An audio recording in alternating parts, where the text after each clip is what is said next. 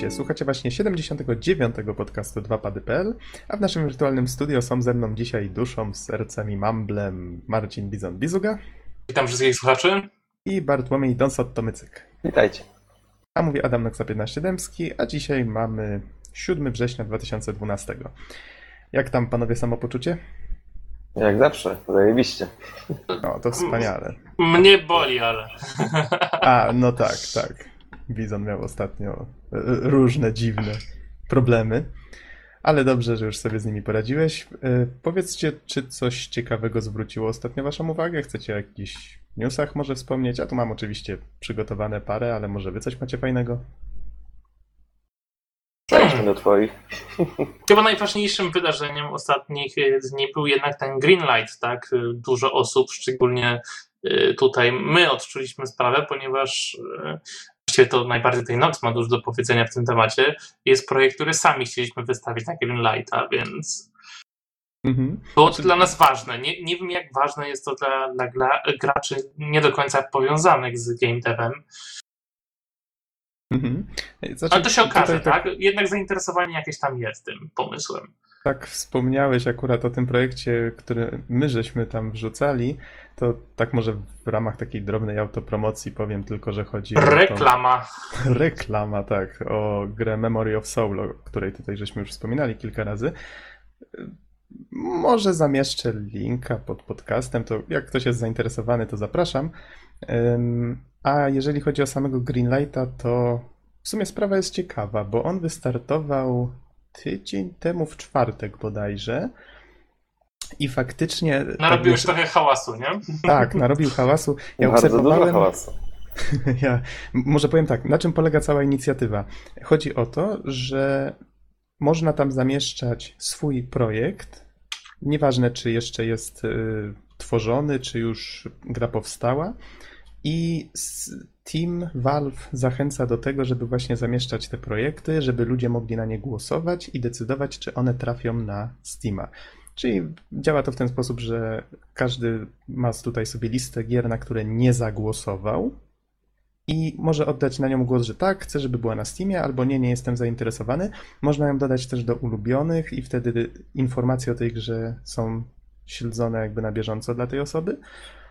Y, I one są właściwie w ten sposób posegregowane, czyli że mamy tutaj, mam tutaj przed oczyma w tej chwili, mamy taki dział gry ocenione przez ciebie, czyli tutaj trafiają już wszystkie, które się oceniło, najnowsze, oczekujące, zatwierdzone, te jeszcze działy są puste, z tego co pamiętam. Y, To pewnie później troszeczkę przyjdzie. I właściwie przyrost gier był no bardzo szybki. Pamiętam, że w ciągu pierwszej godziny to chyba już tych gier było ponad 100. Teraz już nie za bardzo pamiętam, ale na pewno w ciągu pierwszego dnia było już przynajmniej z 300. W tej chwili jest już chyba ponad 700, może nawet 800. Licznik gdzieś tu zniknął. Mam wrażenie, że wcześniej troszeczkę była łatwiej ta informacja dostępna. Ale No bo zmian jest dużo. bardzo dużo, nie? Z dnia na dzień. No. Tak, n- na pewno w pewnym momencie nastąpiła dość spora zmiana. Niestety nie dla wszystkich też przyjemna. Mm, To było chyba we wtorek wieczorem. Ogłoszono, że ze względu na dużą ilość żartów, które się pojawiały, no ludzie wrzucali przeróżne rzeczy. Od gier, które już wyszły powiedzmy hen hen daleko i nie mieli do nich żadnych praw, a chcieliby, żeby były na Steamie, po takie rzeczy jak na przykład y, Half-Life 3. I mówili, o Valve, waszym własnym systemem zmusimy was, żebyście wydali w końcu tę grę na Steamie. Znaczy O, myślę, o, że o, o to, to się akurat nie, o to zbytnio nie wkurzyli, to, to, to naprawdę było dość żartobliwe, ale no mówmy szczerze, to jest tak, jak- ktoś nie chce zbytnio przestrzegać zasad, to inni tracą jeszcze na tym dodatkowo, bo no niestety trzeba się ograniczyć tutaj do ogółu, więc nastały cięcia i, i darmowa usługa bardzo szybko zamieniła się tak nie do końca darmową. Tak, tak, nie do końca, bo Bo jednak trzeba Valve- zapłacić 100 dolarów, żeby móc umieścić swój projekt. zgadza się, przy czym trzeba tutaj podkreślić, że Valve zaznacza bez przerwy, że oni nie chcą czerpać z tej usługi żadnych zysków. Yy, Te pieniądze przechodzą na cele charytatywne. No i bardzo pięknie, Play. tak? No, oni, oni cały czas nie biorą za to kasy, czyli generalnie inicjatywa została taka sama, a zarazem mamy taki Pozbyli próg. się spamu. Myślę, ten że, sposób. że nie aż tak bardzo wysoki dla zainteresowanych osób. żeby się nie dało go przeskoczyć, a żartownisie sobie po prostu odpuszczą. Tak, tak, to prawda. Zwróćmy jednak uwagę na to, że żaden żart nie jest wart aż 100 dolców, prawda? No wiadomo, że tam pewnie się trafią jeszcze jakieś przypadki, nie? Ale to... Odsieje się te najbardziej oczywiste. E, Wiecie, co tak się zastanawiam? Czy fajnie by było wybierać na przykład jakieś takie gierki z Greenlighta i polecać tutaj? Nie wiem, może słuchacze Znaczy, napiszą tu, nam w tu, tutaj komentarzach. jest tro, troszkę problem, nie? Bo tak naprawdę tych gier nie ma w większości jak przetestować. Jeszcze. Wiesz, niektóre z nich publikują materiały filmowe. Tutaj akurat w przypadku Memory of Soul bardzo dużo osób z, Wiem, wiem, czyta, zwracało nam uwagę. I faktycznie yy, można powiedzieć, że filmik jest w tym momencie wymagany przez, przez Tak, tak. Bo jest w regulaminie napisane teoretycznie, że filmik musi być, ale zauważyliśmy, że w przypadku wielu e, gier go nie było, a że my po prostu takiego filmiku nie posiadaliśmy, to stwierdziliśmy, że go nie zamieścimy. Dopiero jak będziemy gotowi, żeby coś takiego zrobić. No i spotkaliśmy się tutaj z bardzo ostrą krytyką tego. No bo Więc- nie da się Znaczy, to, to jest filmik. tak, zainteresowanie waszym projektem jest jak naj, najbardziej widać dość spore, bo tych komentarzy wpadło tam od zarąbania i to też świadczy o samej popularności jednak tej usługi. Mhm, tak, to prawda.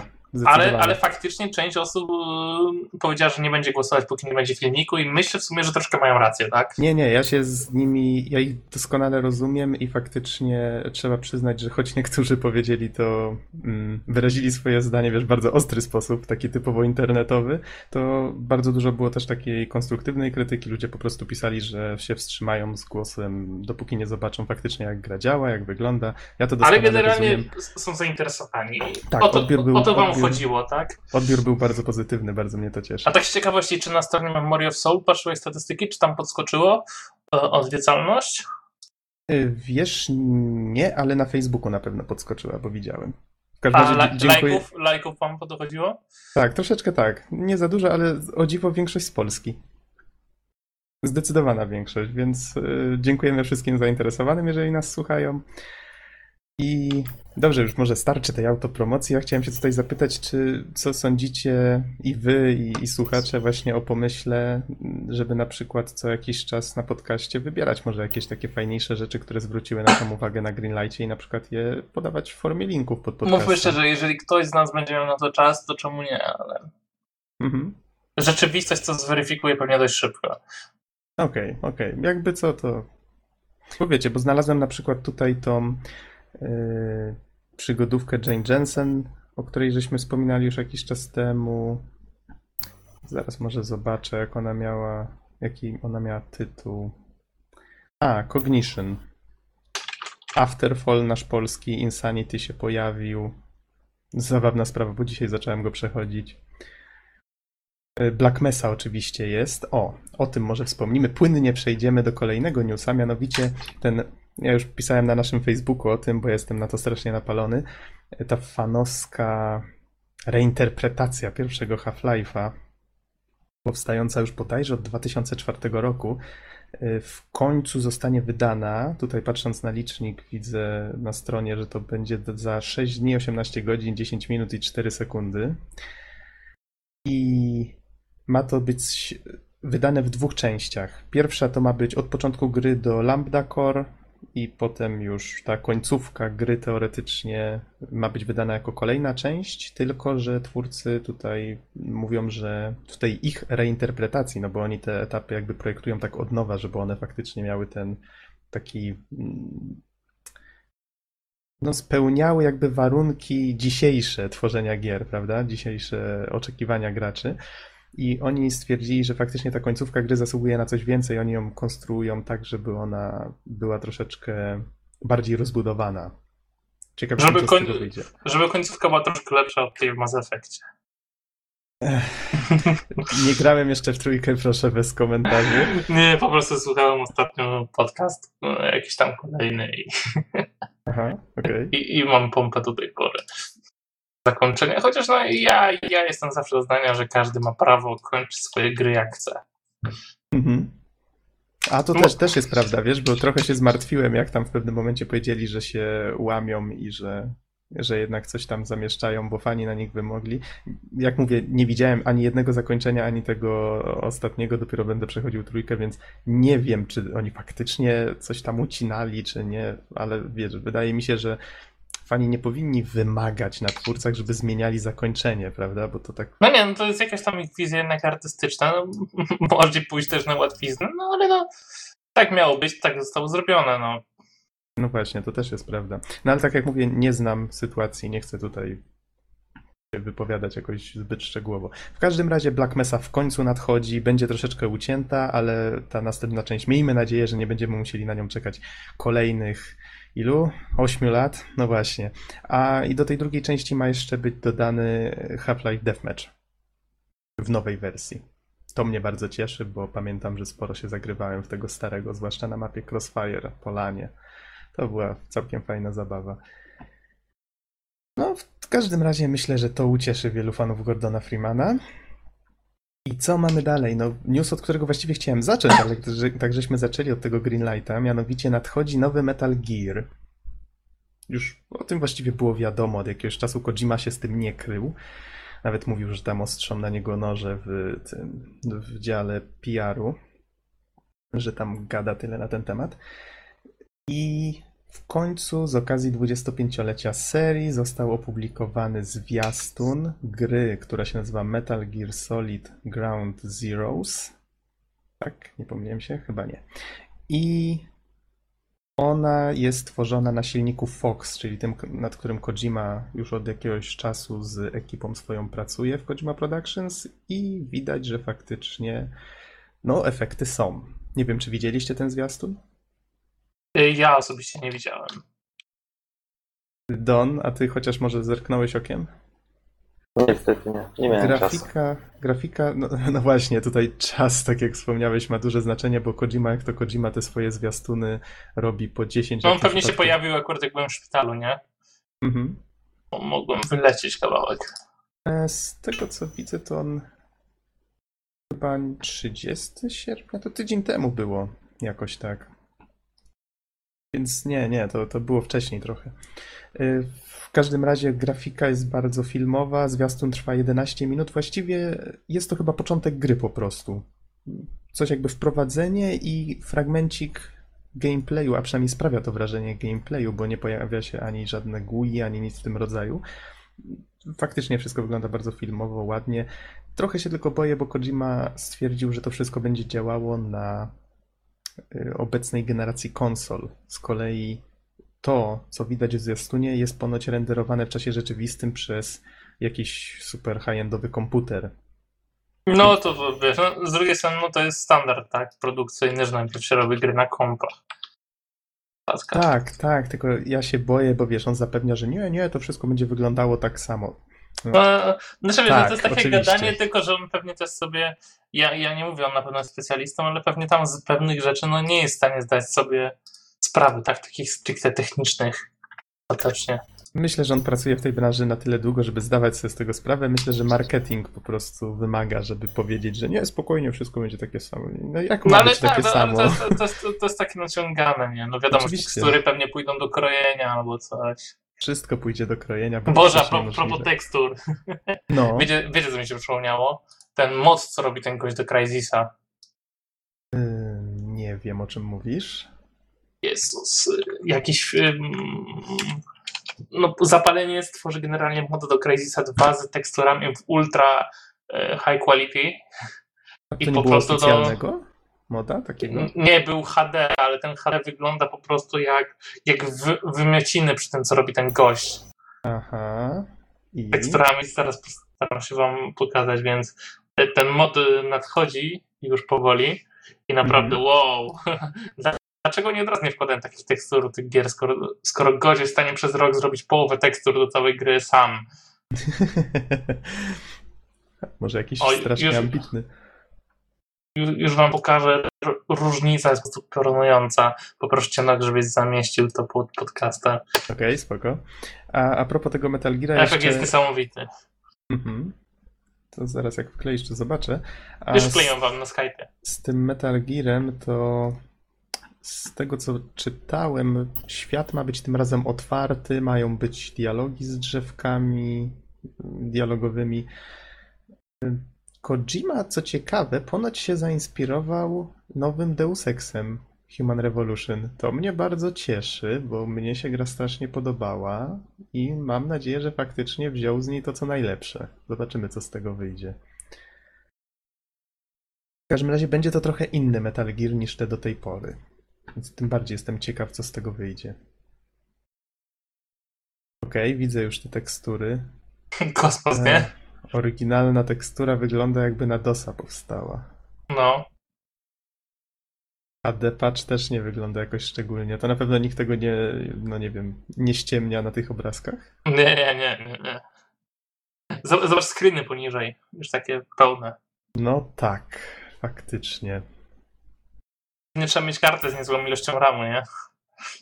No zdecydowanie, tak. Ja Ale efekt przykład, jest piorunujący. Ja na przykład teraz gram w tego Guild Warsa 2. Boże, jaki to jest złodziej czasu. Boję się Znaczy- go odpalać. Znaczy mówmy szczerze, jak tylko wiecie, karty graficzne będą lepsze, no to taka grafika jest jak najbardziej osiągalna, bo przecież to nie jest tak, że oni robią tekstury w gównianej jakości, bo, bo im się, bo tak jest łatwiej. Nie, no zazwyczaj po prostu robią je w dobrej jakości i kompresują, no bo nie mają wyjścia, tak? Wiesz, tekstur, z teksturami jest taki problem, że przez nie strasznie rośnie wielkość gry. Jeżeli ten patch HD ważył tam powiedzmy 4 giga, to jakbyś chciał powiększyć te tekstury, no powiedzmy z 512 do 1024, no wiesz, one zawsze są kwadratowe, no to No tak, no ale tu- automatycznie czterokrotnie. Tutaj wtedy. wygląda bardziej jakby ktoś z 512 robił 2048. No tak, tak, wygląda to całkiem fajnie. Dobra, wrzucę to w każdym razie pod podcast, jako ciekawostka. jako Tutaj ciekawostkę. no. News pochodzi z serwisu Poligamia. A ja swoją drogą muszę przejść w końcu tego Crysisa drugiego. W dodatku do jedynki nawet nie przeszedłem. Nie wiem, a, a wy?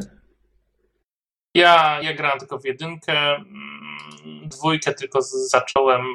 Nudzi mnie ta gra bardzo szybko, więc Mhm. u, u mnie odpada generalnie. Czyli nie czekacie na trójkę. Nie, absolutnie nie. Nie, nie będzie mi się chciało w to grać. Okej.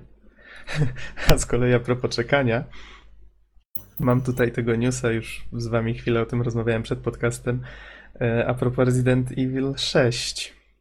Niezłe jaja, bo gra ma wyjść... Kiedy ona ma wyjść? Ach, akurat tutaj złego newsa wybrałem, bo tutaj nie ma podane, ale ona chyba na początku listopada miała wyjść, albo pod koniec października. Z kolei gdzieś w Polsce już można było dostać kilka egzemplarzy. Capcom teraz już sprostował sprawę, że one były skradzione i tak dalej, tam chyba z jakichś gdzieś od Niemców. Właściwie nie wiem, strasznie się gubię w tej całej aferze. Gdzieś słyszałem, że są w grze polskie napisy, na pudełku są niemieckie. W końcu tak naprawdę nie wiem, która wersja jest prawdziwa i wolę tutaj nie, nie mówić czegoś na 100%, że jest No pewne. ale tak czy siak, faktem stało się, że, że gra faktycznie wyciekła wcześniej i to, i to była sprzedawana normalnie w sklepie. Tak, i kilka osób ją dostało i być może już przeszło. Taka ciekawostka przedpremierowo. Ciekaw. Będą bany. Będą. Ojej, ja bym myślę, że bany to wiesz, będą zwolnienia. Nie wiem. No, kto- szczególnie w sklepie. Ja nie wiem.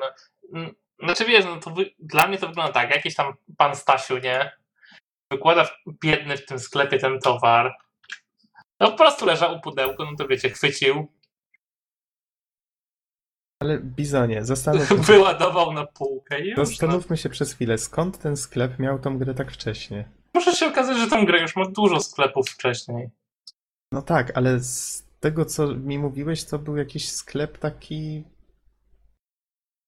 No wcale nie branżowy, że tak to ujmę. Aż trochę dziwne by się wydawało. ja, ja już nie pamiętam, powiem szczerze. Wiesz, no może tak, nie, nie Jaki zakładajmy był niczego. rodzaj sklepu, ale no. Nie zakładajmy niczego na 100%. Ja bym bardziej był tutaj za tym, że ktoś po prostu wyniósł te pudełka. Wiesz, to też może się okazać, że to wszystko jest jedną wielką plotą, no i Tak też może być, no w sumie.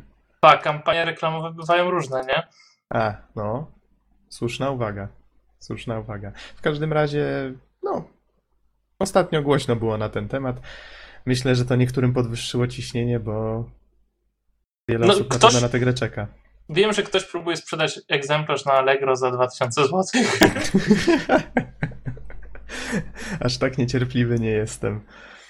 No Ale ja też na- kupiłem, ale, ale luz. Okej. Nie, Ja- żartuję sobie z was. Ja, ja nie, nie przepadam jakoś zbytnio za, za rezydentem, a już na pewno nie na tyle, żeby. Ja znawcą serii nie jestem, ale piątka mi się strasznie podobała, przeszedłem ją. No i ja kupiłem, ja kupiłem, żeby zagrać z Move'em, ale się okazało, że się praktycznie nie da. Że, sterowanie to jest jednak jeden wielki bullshit. Padem się gra bardzo przyjemnie. Znaczy przyjemnie. Jak się przyzwyczai już do strasznie topornej kontroli, to się gra bardzo przyjemnie. W każdym razie polecam, jeżeli ktoś szuka jakiejś fajnej gry do koopa na dwie osoby. Ja właściwie nie grałem w tą grę w pojedynkę. Ani razu. No, prawie. może A przeszedłem kogoś, ją ze cztery razy już w tej chwili. jakbym miał kogoś do kopa, to może bym przeszedł w końcu. Bardzo fajnie się gra. Polecam. I dlatego też myślę, No, że... ja, ja mam tą Gold. Edition, nie? Jakąś tam i w ogóle w to właściwie nie grałem, bo kupiłem, żeby mo- Move'a przetestować. Mhm. No i niestety wylądowała na półce, bo sterowanie Move'em w tej grze to jest kpina. Płynne przejścia, a propos gier na mowa. To są jakieś newsy? Może Ja, ja tyle... dzisiaj widziałem, że na tym, na, na TVN-ie, Mhm. 24 był reportaż właśnie w Gamescomie, nie? I tam właśnie Sony przedstawiało swoje rzeczy. Tak z ciekawostek. Ja tutaj mam całkiem świeżego newsa, bo wczorajszego, że wychodzi Killzone Trilogy. Trylogia jedynki, dwójki i trójki, z czego jedynka wcześniej na PSN-ie chyba się nie pojawiała, teraz będzie w tej trylogii właśnie w wersji HD, bo ona była mm, opublikowana na PS2 jeszcze. Tak, tak, z tego co pamiętam, to ona była jeszcze grą na PS2, a z kolei dopiero dwójka Killzona była właśnie tą grą, która tak strasznie namieszała ludziom w głowach grafiką na PS3. Tak? Nie mówię tutaj żadnych głupot. Nie, nie, nie, wszystko w porządku. Y, Natomiast i- wypuszczają też, ale to już jakiś czas temu, kolekcję God na, w jednym zestawie. Mhm. No ja się w sumie chciałbym zapytać, kto na to wpadł, żeby to wydawać teraz, jak wiadomo, że za chwilkę będzie kolejna część i znów kolekcja będzie niekompletna. To nie lepiej było zrobić tak, że wypuszczą tą nową część oraz kolekcję razem już z tą nową częścią, żeby podbić cenę? Wiesz, bardzo możliwe, że to jest też taka zagrywka, żeby kupili to ludzie, którzy właśnie mówią, o, wychodzi nowa, ale ja w sumie nie grałem w poprzednie. A to kupię te poprzednie i zagram No tak, ale nie? fajnie by to wyglądało, jakbyś miał w jednym pudełku w końcu wszystkie te części, a nie znów takie Spokojnie coś takiego też kiedyś na pewno wyjdzie. O i na pewno tak, tylko ym, ostatnio jest straszna jakaś mania na 500 rodzajów wydań tych samych gier. Jak to ktoś powiedział, nikt nie każe ci tego kupować, nie? Jest też, że nie każemy tego kupować, ale no, no zauważ sam, że, że jest jakaś taka tendencja. Mhm. Tak, to prawda. Że wydaje się kilka razy te same gry, bo wtedy ludzie czasem tra- traktują je jako nowości w sklepach i jest szansa, że po prostu się to sprzeda. A mówiłem o tym mówię, dlatego że tutaj już nie dokończyłem myśli, że trójka Killzona właśnie wspiera Mowa. Nie wiem, czy mieliście okazję zagrać, ja przeszedłem trójkę na padzie. Raz w 3D nawet miałem okazję wypróbować z jedną planszę, Uuu, no to elegancko. ale nie u siebie. No, ja, ja może za miesiąc wreszcie będę szczęśliwym posiadaczem 3D w Mhm. domu. To mo- może właśnie jakąś taką grę sobie sprawię, żeby przetestować. Wiesz, to nie jest jakaś super rewelacja, ale jak kogoś stać na taki telewizor, no to myślę, że to Znaczy, jest na stać, wiesz fajna co, rzecz. teraz to każdy telewizor już obsługuje 3D, który kupisz, nie? Z tych takich większy, wię, większocalowych. Aha. Więc to tam jest akurat. A ja akurat będę chciał kupować LG-ka, takiego jak ma nasz Norbert. Mhm. Znaczy, no, troszkę tylko, że nowszy model, to do każdej, do każdej sztuki dają 7 par okularów od razu, nie? O, no popatrz. Ja też się będę w pewnym momencie za telewizorem rozglądał, na razie nie mam No tutaj żadnego teraz po prostu się nie, nie opłaca kupować bez tego 3D. mówię szczerze. Okej, to w takim razie, żeby już kończyć newsy, yy, to tak na szybko. Yy, Ubisoft rezygnuje ze, ze swoich zabezpieczeń DRM. Znaczy, podobno już zrezygnował jakiś czas temu i Ponoć w czerwcu zeszłego roku, co jest ciekawostką. nikt nie zwrócił na to uwagi. Tak, tak właśnie cholernie wszystkim przeszkadzały. Wiesz, mi się wydaje, że oni zrezygnowali z nich, ale na przykład jakieś umowy na przykład mieli już podpisane, które sprawiały, że jakieś tam gry jeszcze musiały to mieć. Wiesz, zaczęli się tym chwalić dopiero jak już wiedzieli, że 100% ich produktów na przykład tego nie będzie miał, nie? Ja No pamiętam... wiesz, no, to jest takie gadanie tak naprawdę. Mało komu to przeszkadza, tak? A Nie, według mnie nie zgodzę się. To jest według mnie bardzo dobrze, że oficjalnie coś Mi na przykład nie przeszkadza, gram na konsoli i mam gdzieś, co się wam dzieje na PC-tach. Haha, widzisz. Tylko problem jest taki, kupisz sobie Assassin's Creed na przykład i musisz być non-stop połączony z internetem. Teraz tego nie będzie i to, że oni to ogłosili oficjalnie i się tym chwalą, oznacza, że próbują w ten sposób trochę polepszyć swój wizerunek, czyli będą starali się być w tym konsekwentni. No miejmy nadzieję, Znaczy, że tak faktycznie będzie. Jest szansa, że kończy się era głupich, nieskutecznych zabezpieczeń.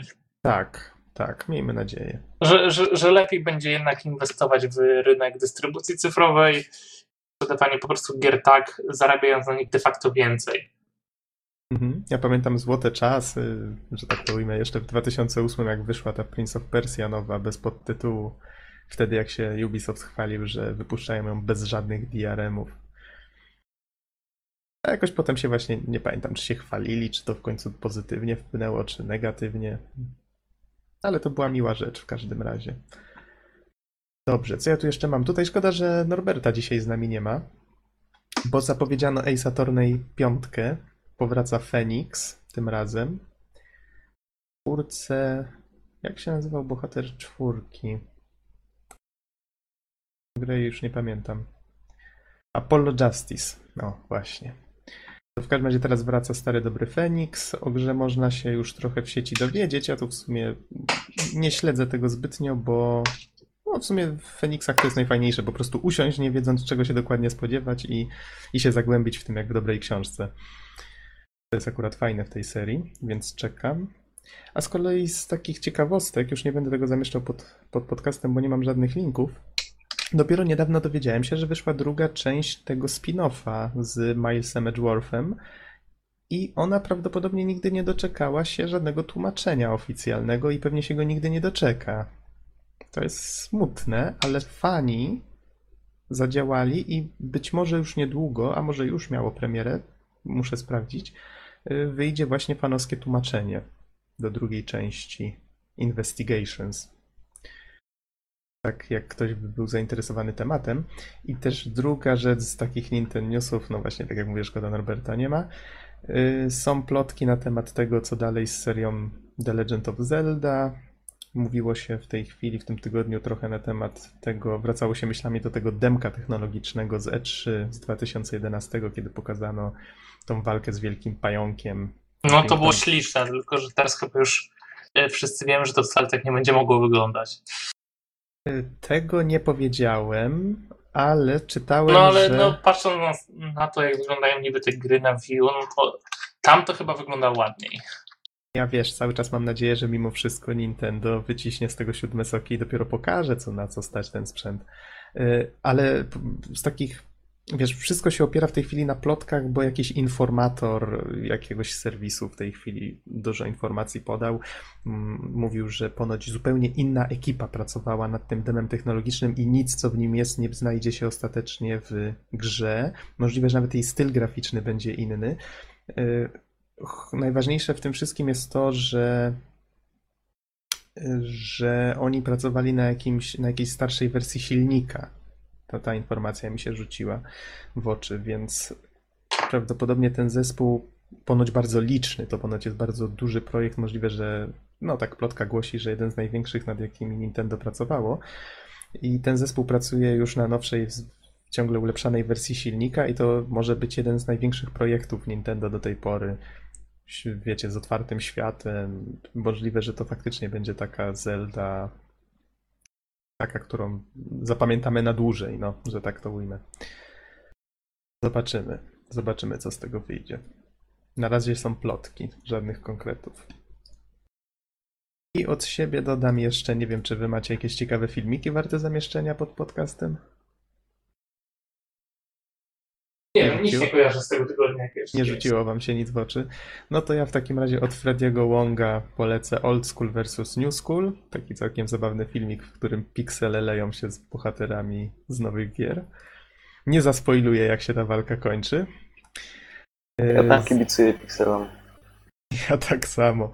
Borderlands 2 zwiastun z Sir Hammerlockiem. No, w sumie takie ciekawe przedstawienie, dość długie, niecałe 7 minut trwa wszystkich aspektów gry. Właśnie ten zwiastun Metal Gear Solid Ground Zeroes, o którym już tutaj wspominaliśmy. Myślę, że warto obejrzeć. Trwa 11 minut, ale ogląda to się jak dobry film.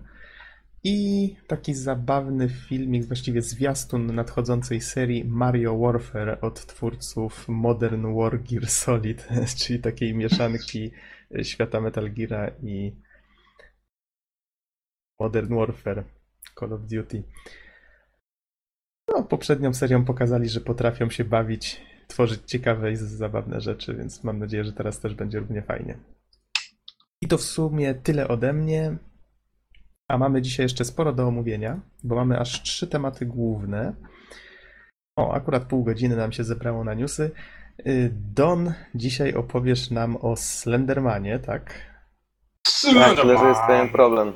No, Dzisiaj byłem taki zły, że go zabiłem. o mój Boże.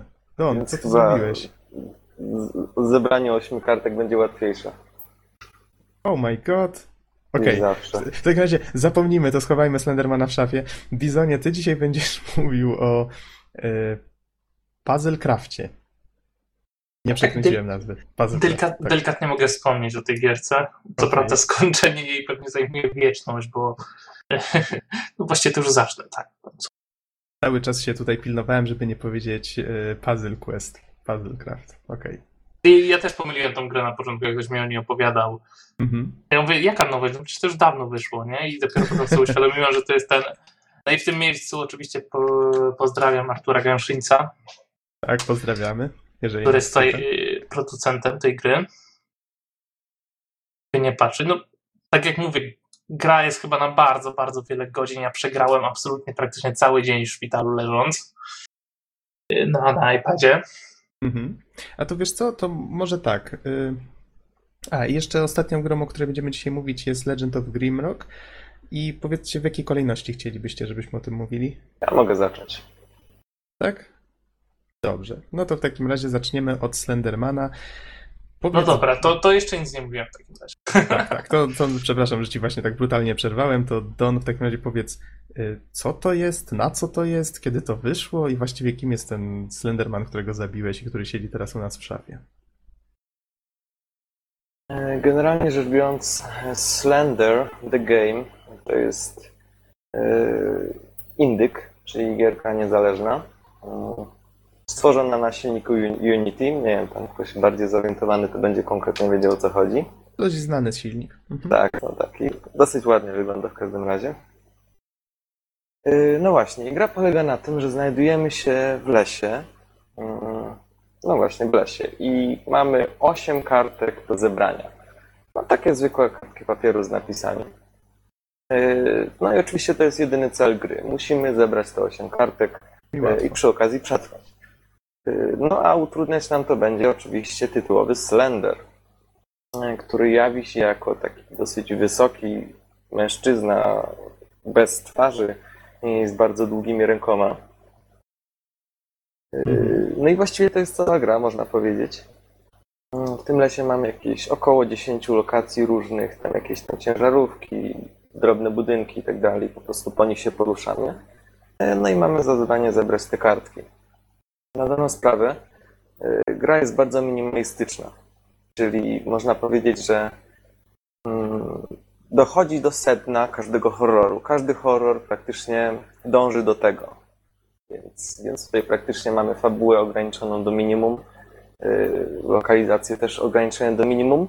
Natomiast e, właśnie mamy to, to sedno horroru, czyli, czyli napięcie i Slender, który depcze nam po piętach. To jest bardzo właśnie, ciekawe a- podejście, dlatego że na przykład no, każdy horror, jeśli wyjmiemy z niego fabułę, postaci i wszystkie inne rzeczy, to będzie dokładnie to samo. Tyle, że moim zdaniem nie jest to aż tak y, dobry horror, jak, jak, się to, jak się uważa. Mhm. A tak jakby Y, zapytał natomiast- Norbert, y, jeżeli mogę się wtrącić. Norbert na pewno by zadał pytanie w rodzaju, no dobrze Don, ale jak się w to właściwie gra? Co się czuje grając w to? Bo myślę, że to jest tu najważniejsze. I jaki to jest rodzaj gry, bo, nie Ja do bym końca tą grę wiem jak to wygląda. Ja bym tą grę po, porównał odrobinę z amnezją. Czyli Mhm. y, mamy eksplorację, chociaż w tym przypadku jest tutaj trochę uboga, no ale jest. Mamy te kilka lokalizacji, które się znajdują w lesie i możemy między nimi chodzić. Y, Musimy zebrać te kartki i unikać demona, demona no, czyli tego Slendera. W amnezji praktycznie rzecz ma się dokładnie tak samo, tyle że jest zrobiona milion razy lepiej, powiedziałbym. Na czym to polega? Polega to na tym, że po zebraniu każdej kartki, znaczy no, w miarę jak y, zbieramy kolejne kartki, napięcie rośnie. Y, Czyli Slender zaczyna nas gonić bardziej intensywnie. W jaki sposób to wygląda? Po prostu y, po, przebywa w naszym pobliżu. Czyli na przykład gdzieś się pojawi i stoi i się patrzy. Prawda? My oczywiście nie możemy na niego patrzeć. Jeśli popatrzymy trochę na niego dłużej, to wtedy przegrywamy. Także jeśli Slender pojawi się gdzieś blisko, to wtedy także przegrywamy, bo jeśli, przy, jeśli będziemy zbyt blisko, to on po prostu wtedy także nas złapie. Innymi słowy, y, twórcy gry tak to sobie pomyśleli, żeby po prostu unikać kontaktu wzrokowego z nim i nawet unikać zbliżenia się do niego. Czyli innymi słowy, mamy przed nim uciekać, bać się i tak dalej. No niestety to nie wyszło. Y, Ja za pierwszym podejściem doszedłem do czwartej kartki i przegrałem tylko dlatego, że, że po prostu kiedy Slender się zrespawnował blisko mnie, to ja się odwróciłem i szedłem. Natomiast nie uciekałem, jak, nie, jak przerażona dziewczynka i dlatego przegrałem, bo mnie złapał. Przegrałeś, bo się nie bałeś. No powiem, że nie jest ze mnie jakiś taki specjalny chojrak, ale yy, były pewne momenty, że tam trochę zesztywniałem na tym krześle, jak była jakaś intensywniejsza akcja.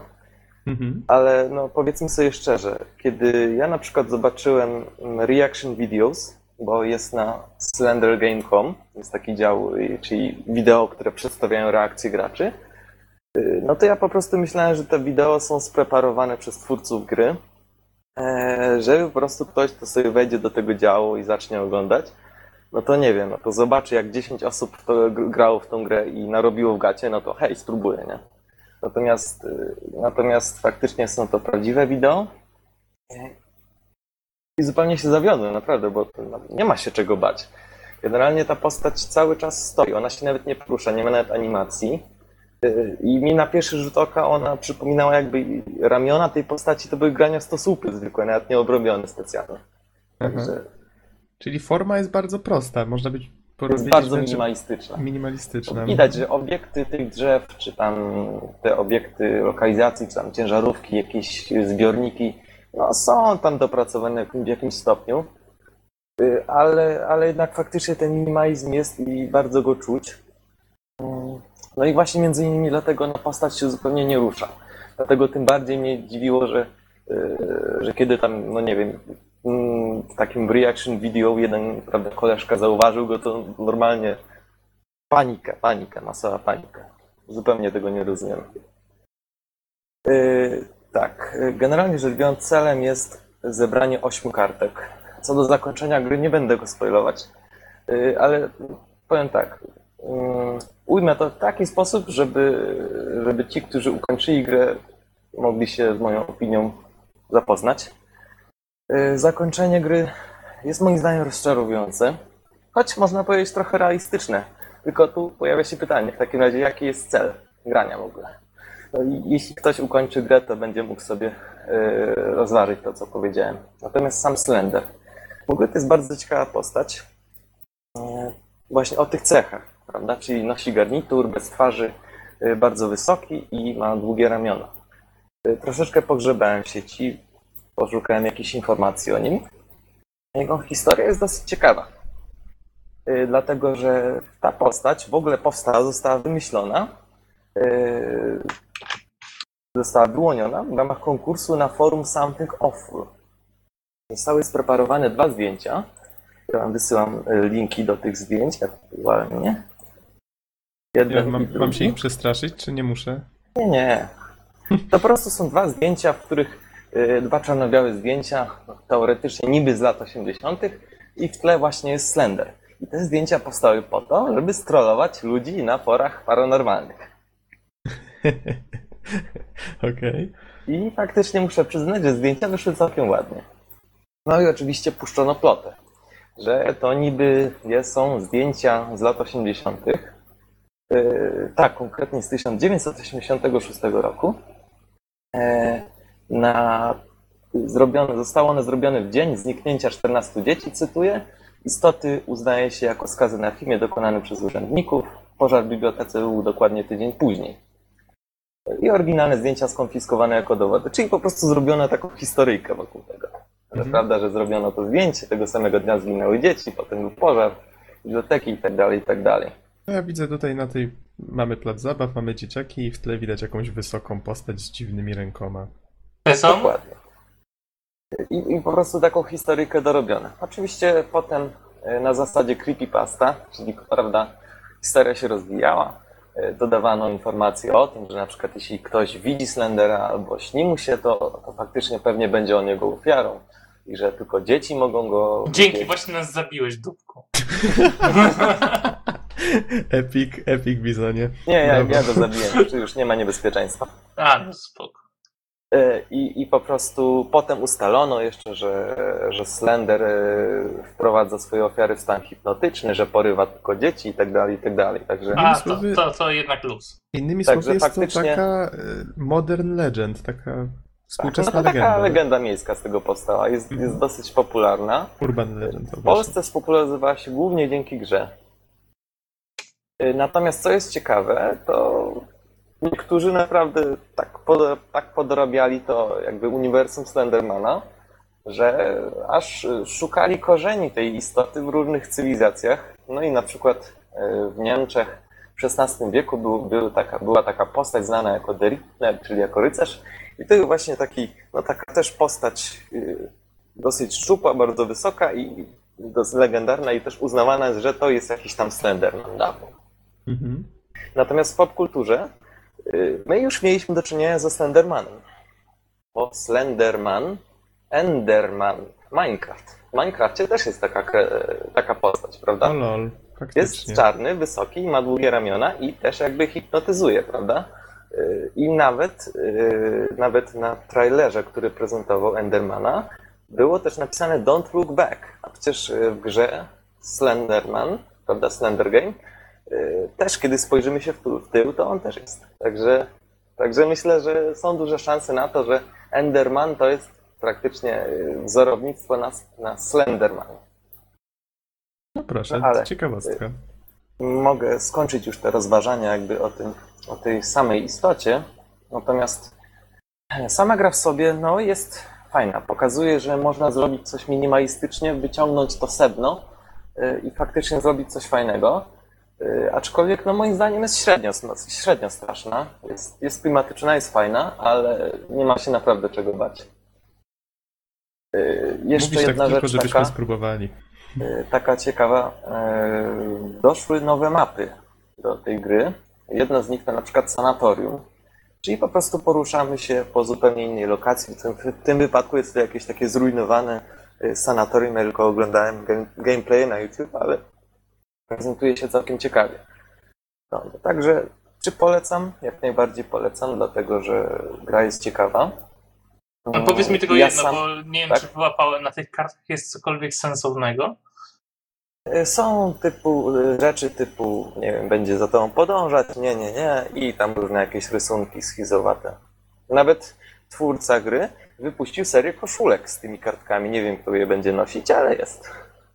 Można je kupić. Box tak patrzy teraz na siebie, a tam koszulka. Koszulka. Muszę zebrać wszystkie osiem. I na, zanim nie dopadnie. Tak. E, Także tak to wygląda. Ja osobiście na pewno zapiszę sobie w pamięci kilka sztuczek, jakie za, zastosowali twórcy tej gry. E, Natomiast. no, Ale no, mimo nie wszystko prostu produ- to produkcja zrobiło ból, jest- dlatego że ludzie się boją. W, Mhm. w miarę ciekawa, tak? Bo, bo przynajmniej na czymś bazuje, jest jakiś pomysł, to, to zawsze na plus. Mnie się podoba właśnie sam pomysł. Ja właściwie myślałem o czymś takim zainspirowany Dead Space'em. Jedyna, st- jedyny straszny moment w pierwszym Dead Space'ie to był, znaczy przynajmniej według mnie, to był taki, którym spotkało się potwora, którego nie dało się zniszczyć. No jak, to jak każdemu, o, pojawia się wielki potwór, wow, jaki byk, rozwaliło się mu ręce, nogi, haha, dobra, idę dalej. O, No tak, są- potwory, których się nie da zabić, są Tak. zazwyczaj najgorsze. Drzwi są zamknięte. Hmm, co się dzieje? Ojej, ten facet zaczyna się regenerować. O mój Boże, nie? I wtedy się zaczynał prawdziwy horror, nie? To, to Znaczy, było naprawdę wam fajne. tak, to jest jeszcze taka dosyć złożona sprawa, dlatego że na przykład yy, w Silent Hill 4 The Room także byli przeciwnicy, którzy, yy, których się nie dało zabić, czyli tam te jakieś latające zwłoki. Nie Duchy, tak, ale to jak było akurat słabo zrobione. Po prostu no, też można było je zabić i po jakimś czasie się odradzali, no, no i nic. Nie było to straszne. Żeby, Mhm. żeby postać była straszna, oczywiście też nieśmiertelność ma tutaj dużo do rzeczy, ale to jest dosyć złożona sprawa. No tak, ja tu rozpoznaję dwa motywy tu a propos tego porównania z tym Dead Space'em, że po pierwsze nie da się go zniszczyć, a po drugie pogoń, czyli czujesz bez przerwy jego oddech na swoim karku. Myślę, że to Znaczy, są takie y- dwa motywy dość ważne. Y, Na pewno y, ten oddech nie jest taki intensywny, bo on zawsze stoi. I to jest Mhm. bardzo duży minus moim zdaniem. Nigdy się nie rusza. Aha. Także, także przez to gra dużo traci. Gdyby on biegł, gdyby szedł, to już byłoby fajnie, ale nawet się nie rusza. Także Ale myślę, że już w tej chwili dużo naśladowców ma ta gra. Sam żeś zwrócił uwagę, jak żeśmy wtedy przeglądali gierki na Greenlightie, że już nawet pojawiają się takie rzeczy jak Slender, e, czy Slenderman, e, The Source. Game. Tak. Więc ogólnie rzecz biorąc, pewnie niektóre z tych rzeczy to są żarty, ale no był taki projekt, że ktoś już na Source robi, czy na tym silniku autorskim Valve. I Jeszcze jakiś inny horror znalazłem, nie pamiętam tylko tytułu, który, co prawda autorzy potem sprostowali, że w zwiastunie tylko takie żarty sobie robili z tym Slendermanem, bo tam faktycznie było, że postać chodzi, znajduje kartkę i nagle coś tak, jakby ktoś się gdzieś czaił w krzakach obok. I potem tylko tłumaczyli, że nie, nie, to, to nie o to w tej grze chodzi, ale tak trochę się inspirowaliśmy w zwiastunie, nie? Więc ogólnie rzecz biorąc, to w tej chwili jest dość popularny motyw. No tak, i właśnie myślę, że tak jak powiedziałem, sama postać jest popularna, więc ona może przyciągać. No w Polsce nie była, ale właśnie dzięki grze też zaczęła być rozpoznawalna. Mhm. No dobrze, w takim razie Bizonie, czy jakieś pytania mamy do Dona? Jeszcze? Myślę, że nie. No. A jeszcze tak powiem, graficznie, Graficznie poza, po, jest... poza, poza tym minimalizmem jest ogólnie ok, tak? Znaczy, powiem tak, no, modele drzew są fajne, a na przykład yy, no, widać, że gdzie się drzewo kończy, zaczyna się tekstura ziemi i po prostu no, jest ten minimalizm. Jest duży, w daleko idącym stopniu jest ten minimalizm. Jest na przykład trawa, gra... która zupełnie nie pasuje, no takie, no, to nie jest las z Blair Witch 1, tak. Gdyby to był las z Blair Witch 1, to naprawdę byłoby cudo. Czyli sprawia to wrażenie takiej gry zrobionej w garażu po to, żeby, żeby była, tak? No dokładnie, zwłaszcza, że menu zupełnie nie wygląda, ekran tytułowy też zupełnie nie wygląda. Mhm. Na, na dobrą sprawę, fanowska strona wygląda lepiej niż oficjalna, więc, Okej. więc faktycznie to jest, wygląda na to, że osoba, która robiła tą grę, w ogóle nie przejmowała się niczym, tylko chciała sięgnąć do tego źródła, do tego sedna każdego horroru i chciała je osiągnąć za wszelką cenę, natomiast zupełnie olała sobie wszystko inne. Okej, okej. Myślę, że wyczerpałeś temat. W takim razie, Bizonie, możemy przejść do tematów trochę mniej strasznych. Wyjdźmy z tych strasznych lasów. Idźmy na wieś. Tak, idźmy na wieś. Powiedz, czym właściwie jest ten Puzzle Craft i na co to wyszło, kiedy... A właśnie, Don, bo kiedy y, Slenderman wyszedł, ja tu może jeszcze podam, bo dokopałem się na wiki do tej informacji. On się ukazał w czerwcu 2012 jako beta na Windowsa i na OS X. Maca? Tak, tak. Na Maca i Windowsa. Wyszła beta w czerwcu. W takim razie, Bizonie, ty mówisz o grze, która jest jeszcze świeższa, bo to jest e, 16 sierpnia. No jest to dość, dość, dość świeżynek jeszcze. Tym razem iOS. Tak, y, fajnie jest, bo gra chyba kosztuje około euro 59, jeżeli nie, nie mylę. Mhm. I jest to Universal App, czyli jest zarówno osobna wersja na iPhone'a, jak i na iPada. Czy kupujemy jedną, mamy dwie wersje gry. Co prawda nie patrzyłem, jak to wygląda na iPhone'ie, ale, ale widziałem u kumpla, jak grał, więc wygląda praktycznie identycznie. Nie? To tam Ale y, z tego, co doszliśmy do wniosku, y, na iPadzie gra się po prostu w to wygodniej, bo tam jest dużo, dużo rzeczy takich małych.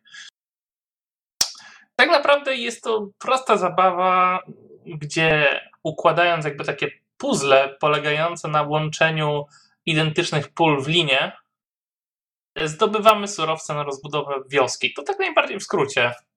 Potrzebujemy coraz więcej surowców, y, coraz to różniejszych typów, po to, żeby móc rozbudowywać y, swoją wioskę. I całość polega na tym, że jak łączymy te elementy, to na przykład na początku potrzebujemy, żeby zebrać 6 zbóż, y, właśnie tam zazwyczaj jest 8 na początku, czy tam nawet 10 zbóż, żeby na przykład zrobić tego marchewkę, nie? Dostać jedną w zamian. I później trzeba połączyć te marchewki w pary, żeby je zebrać. I tak ta gra cały czas y, idzie w tą stronę, że tam trzeba kupować coraz więcej upgrade'ów, którymi są jakby pracownicy kolejni, którzy na przykład zatrudniamy gościa, który będzie zbierał marchewki, wtedy będziemy potrzebować o jedną marchewkę mniej, żeby zebrać plony, nie? Ja może tutaj wkleję tej filmik. Linii. Może wkleję filmik. Zasady tutaj, są proste. Żeby Don mógł sobie zobaczyć. Samo zbieranie tego w pewnym momencie staje się aż, no niestety, monotonne, no bo cały czas robimy to samo. Rysujemy tylko palcem linię. Mhm. Jedynym urozmaiceniem tutaj są narzędzia, które możemy kupować również za zdobywane surowce. I one pozwalają na, nam na przykład na zebranie całego zboża naraz i tak dalej, nie tracąc kolejki. Yy, ilość ruchów yy, wygląda tutaj tak, że mamy, jeżeli zbieramy na polu, to jest tam 40 dni i każde jakby cięcie jedno palcem zabiera nam dzień. No i później kupujemy na przykład update taki, że jeżeli zbieramy zboże, to nie mija dzień, po prostu jest darmowy ruch i cały czas w ten sposób ta gra się rozwija na takich bardzo, bardzo prostych zasadach. Czyli mówiąc y, krócej, ja tu oprę się na tym, co widziałem na filmiku z gameplayu, który wrzucę pod podcast.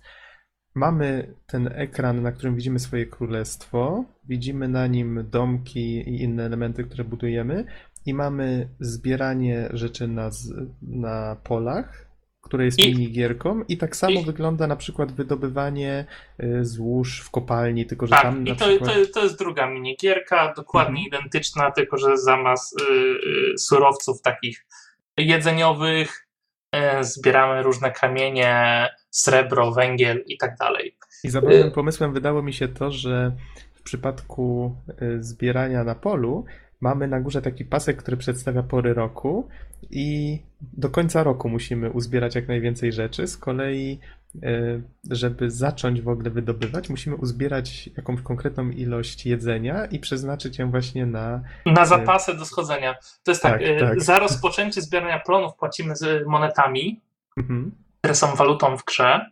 Teraz jeszcze do tego dojdę, bo to jest dość istotny tutaj aspekt. A, a za kopanie w kopalni to po prostu musimy zabrać zapasy żywieniowe, żeby móc tam zejść ze sobą. I gdzie zaczyna się problem w całej tej grze? Bo prostota y, to jedno, nie można tego też brać y, za jakiś, jakąś dużą wadę tej produkcji, bo, bo jest to takie przyjemne wycinanie. Jak się gra od czasu do czasu, to pewnie nawet się tak nie znudzi. Może ja po prostu miałem bardzo długą sesję z, to, z tą produkcją naraz, więc nie będę tutaj za to, że tak powiem, obcinał punktów. Problemem jest tak zbalansowana rozgrywka, że ona właściwie w pewnym sensie wymusza na nas, jeżeli chcemy w jakimś realnym tempie faktycznie postępować z budową tej wioski, kupowanie pieniędzy. Zwyczajne, w sensie proste... kupowanie waluty w grze za prawdziwe pieniądze. Tak, dokładnie o to chodzi. Czyli jeżeli mhm. tak naprawdę chcemy, że ta gra przyspieszyła i nabrała jakiegokolwiek realnego tempa, potrzebujemy monet. A monety kosztują euro. Monety okay. za monety. monety, monety za monety, dosłownie. I, I to jest tak, że fakt, że każdy budynek w grze możemy zbudować albo za surowce, które zebraliśmy, albo możemy zapłacić złotem. Ale rozumiem, że można po prostu darować sobie te mikropłatności i po prostu odpalać sobie tą gierkę na przystanku od czasu do czasu, zbudować sobie troszeczkę tej wioski i odwiedzać tak. ją sobie okazyjnie. Ale uwierz, że balans jest tak po prostu zrobiony, Aha. Że że aż cię ciśnie, że tak powiem, żeby, żeby mieć te monety, bo za monety można robić różne dodatkowe rzeczy, których nie można robić normalnie. Aha. Czyli żeby zacząć zbierać plony, trzeba monety. na przykład, jeżeli kończy nam się rok i chcemy, że te plony, które jakby stan planszy przeszedł na kolejny rok, musimy zapłacić za to monetami. E, Jeżeli chcemy wykupić dodatkowe dni w kopalni, zapasy i tak dalej, trzeba zapłacić za to monetami. A czy jest jakiś inny sposób zdobycia monet niż płacenie za nie? y, Jest, jest sposób, ale jest cholernie nieopłacalny przelicznik. Możemy sprzedawać surowce. Tylko, że przelicznik pomiędzy kupowaniem a sprzedawaniem surowców jest razy 8. Monetki wołają kup mnie, kup mnie. Czyli te monetki aż po prostu parszywie wołają weź kup te monety, będzie ci łatwiej. I powiem szczerze, że grając przez jeden dzień dwa razy kupiłem worek monet. Czyli zadziałało. zadziałało. No i jest to tak po prostu skalkulowane, że, że chce ci się kupić te monety, żeby to poszło już do przodu. Mówisz, kurwa, już mi się nie chce. Ja chcę już zbudować, już chcę, żeby moja wioska była miastem. Inwestujemy. Będziemy musieli Bizona wy- wypipczeć. No. I no, no jest taki balans w tej grze właśnie, że czujesz cholerne cały czas ciśnienie właśnie na to, żeby kupić te monety i, i dzięki temu iść do przodu. Tak naprawdę nie wiesz po co, tak? Mhm. A wiesz, tak patrzę sobie na tą gierkę, ona ma strasznie taką przyjemną, myślę, że to też wpływa na, na odbiór i faktycznie na to, że chce się w nią grać. Yy, przyjemną oprawę. Może o tym coś powiesz więcej? Znaczy nie wiem. Znając dokonania Arstenei, która tutaj stoi mm, za oprawą mm, graficzną tej gry, Mhm. je, ja osobiście jestem minimalnie rozczarowany. To, to nie jest to, czego się spodziewam, znając pracę chłopaków e, z tej firmy. I no, co można powiedzieć o oprawie? Jest fajna pod tym względem, że jest totalnie w, y, no, w jednakowej stylistyce wszystko narysowane. Jest dużo tych różnych rysuneczków, natomiast jednak ta stylistyka strasznie mi przypomina jakieś takie darmowe y, gry z App Store'a, niekoniecznie na, najlepszej jakości i może w tym właśnie jest problem. Nie no, powiedzmy sobie szczerze, wszystkie tego typu gry wyglądają dokładnie tak samo. Na przykład Plants No- vs. Zombies to też dokładnie Nie. ten sam styl. Ale Plants vs. Zombie ma dużo ładniejszą kreskę, dużo ładniej to jest porysowane. Tutaj masz wrażenie, że to wszystko jest troszkę rysowane tak na, na, na szybciocha, nie? No, Wiesz co, tak ja, oba, ja, mam, oba ja mam osobiście takie YouTube, odczucie. ale, ale faktycznie to, to wygląda jak jakaś typowa fleszówka.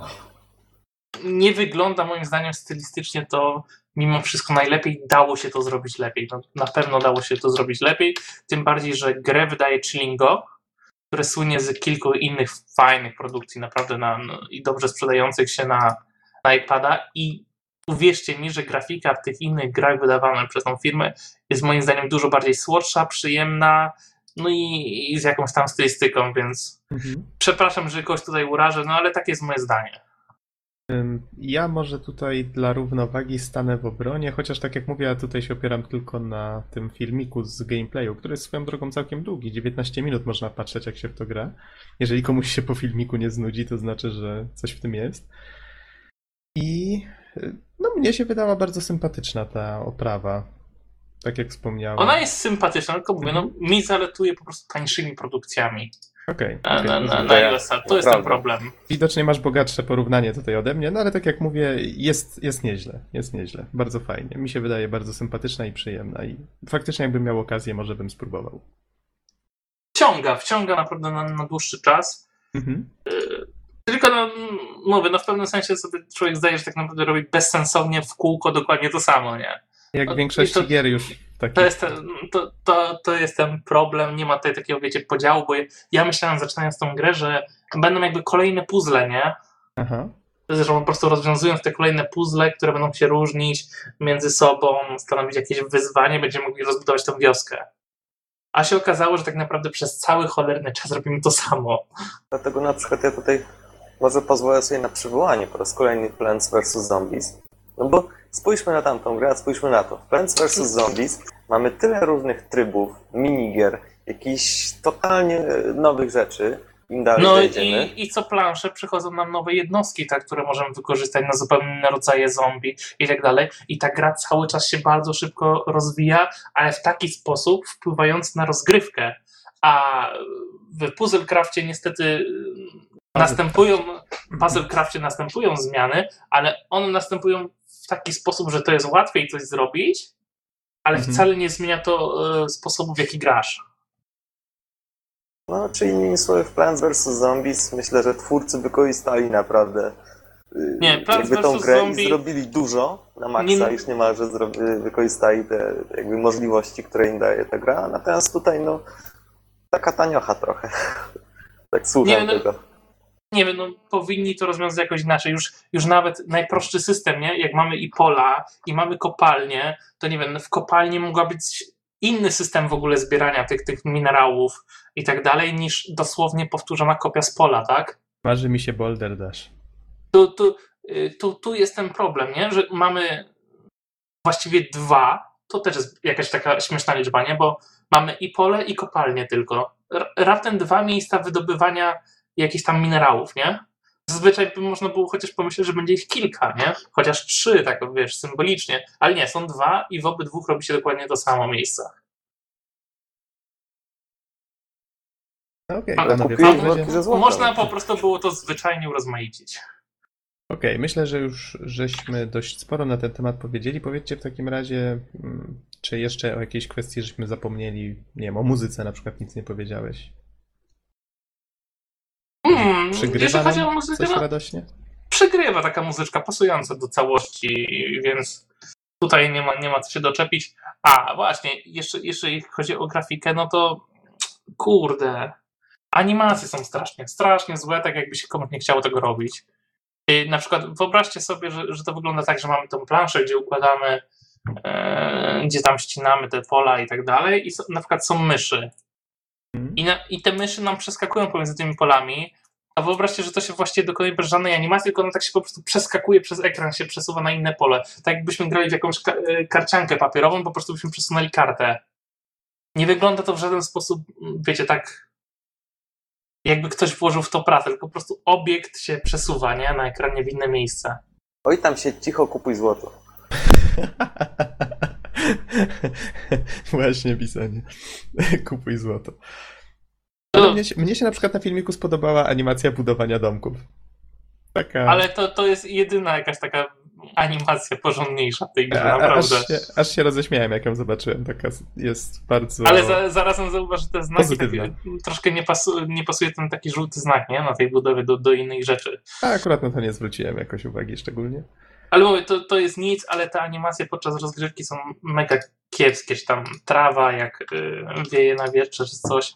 No to, kurde, może jestem rozczarowany, bo wiem, co potrafią zrobić chłopaki z Arstana i, i no i tyle. No. Arstanea, tak. Tak. Mhm. No dobrze. Nie ma pytań, jak rozumiem już więcej. Czyli ogólnie polecasz, czy nie? Ogólnie to nie są źle zainwestowane pieniądze, bo e, zapewnią wam dużo grania, ale nie spodziewajcie się nie wiadomo czego. E, poprzednia Aha. produkcja e, była dużo lepsza. Nie wiem, czy kojarzycie, na pewno na jakimś podcaście recenzowaliśmy Muniaksy. I to jest na pewno pozycja, która jest dużo bardziej godna polecenia. Coś z bąbelkami? Dobrze Tak, było coś takiego z bąbelkami właśnie, że się strzelało. To była dużo ciekawsza pozycja. Więc jeżeli chcecie kupić jedną grę, to raczej bym polecał tamtą. Okej. Dobrze, panowie, wybiła godzina. Powiedzcie, czy zagłębiamy się w lochy Grimrocka? Lecimy? Myślę, że z przyjemnością. Tak? Dobra, lecimy z tym w takim Nie razie. jest jeszcze dzisiaj tak późno, jeżeli e, Don nie ma nic przeciwko. Ale to jak lecimy, to lecimy. No, to lecimy w takim razie, panowie. Legend of Grimrock też jest grom indie. Twórcy nazywają się Almost Human. Gra wyszła 11 kwietnia Prawie 2000. ludzie. Słucham. Prawie ludzie. nazwa. To jest takie triple A indie. Y, Tak, trochę można, chociaż wiesz, no, no to jest takie, wiesz, pojęcie dość płynne, no ale niech będzie. 11 kwietnia 2012 była premiera, gra się ukazała premierowo na GOG-u. To był taki okres, kiedy GOG y, dopiero wprowadzał te nowe gry, więc to był taki faktycznie, to była taka fajna niespodzianka, że wow, Legend of Grimrock się pojawi na GOG-u, nie? I to akurat wtedy, jak, jak GOG zaczynał te nowe gry wprowadzać. Więc tak jak mówię, to, to był taki fajny okres. Ja zaopatrzyłem się w nią troszeczkę później, chyba w czerwcu zacząłem w nią grać.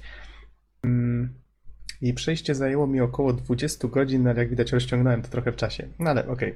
Co to właściwie jest? Na pewno kojarzycie takie stare dungeon crawlery, czy RPG, jak można by je nazwać, y, w których penetruje się jakieś lochy, eksploruje się właśnie jakieś podziemia i poruszamy się po nich po szachownicy, czy Tak, to z, tego typu gry to właśnie y, pseudo 3D zazwyczaj były i właśnie dlatego ta szachownica była bardzo charakterystyczna. Y, No i też kolejny charakterystyczny element to to, że widzieliśmy w trybie FPP, y, natomiast sterowaliśmy całą drużyną naraz. Tak, zgadza się. I poruszaliśmy się właśnie po tej szachownicy, czyli do przodu, mogliśmy się okręcić w prawo, przekręcić w lewo. Innymi słowy, wszystkie ruchy były takie mocno schematyczne. 190 stopni. Tak, tak, dokładnie. I właśnie ludzie z, ludzie z, prawie ludzie z Almost Human doszli do wniosku, że warto tą ideę odświeżyć, że wziąć to, co było w, ten archaizm tych rozwiązań i przedstawić go w jakiejś takiej nowej, atrakcyjnej dla e, współczesnego odbiorcy oprawie. I dokładnie tym jest Legend of Grimrock. I to się udało im w 100%. Y, Nie wiem, czy przeglądaliście obrazki z tej gry. Zaraz wam kleję. Ses, tutaj sekcja media ze strony oficjalnej. I już patrząc na obrazki widać, że gra wygląda ślicznie. Mamy tą, ten właśnie ten, e, to archaiczne poruszanie się po siatce.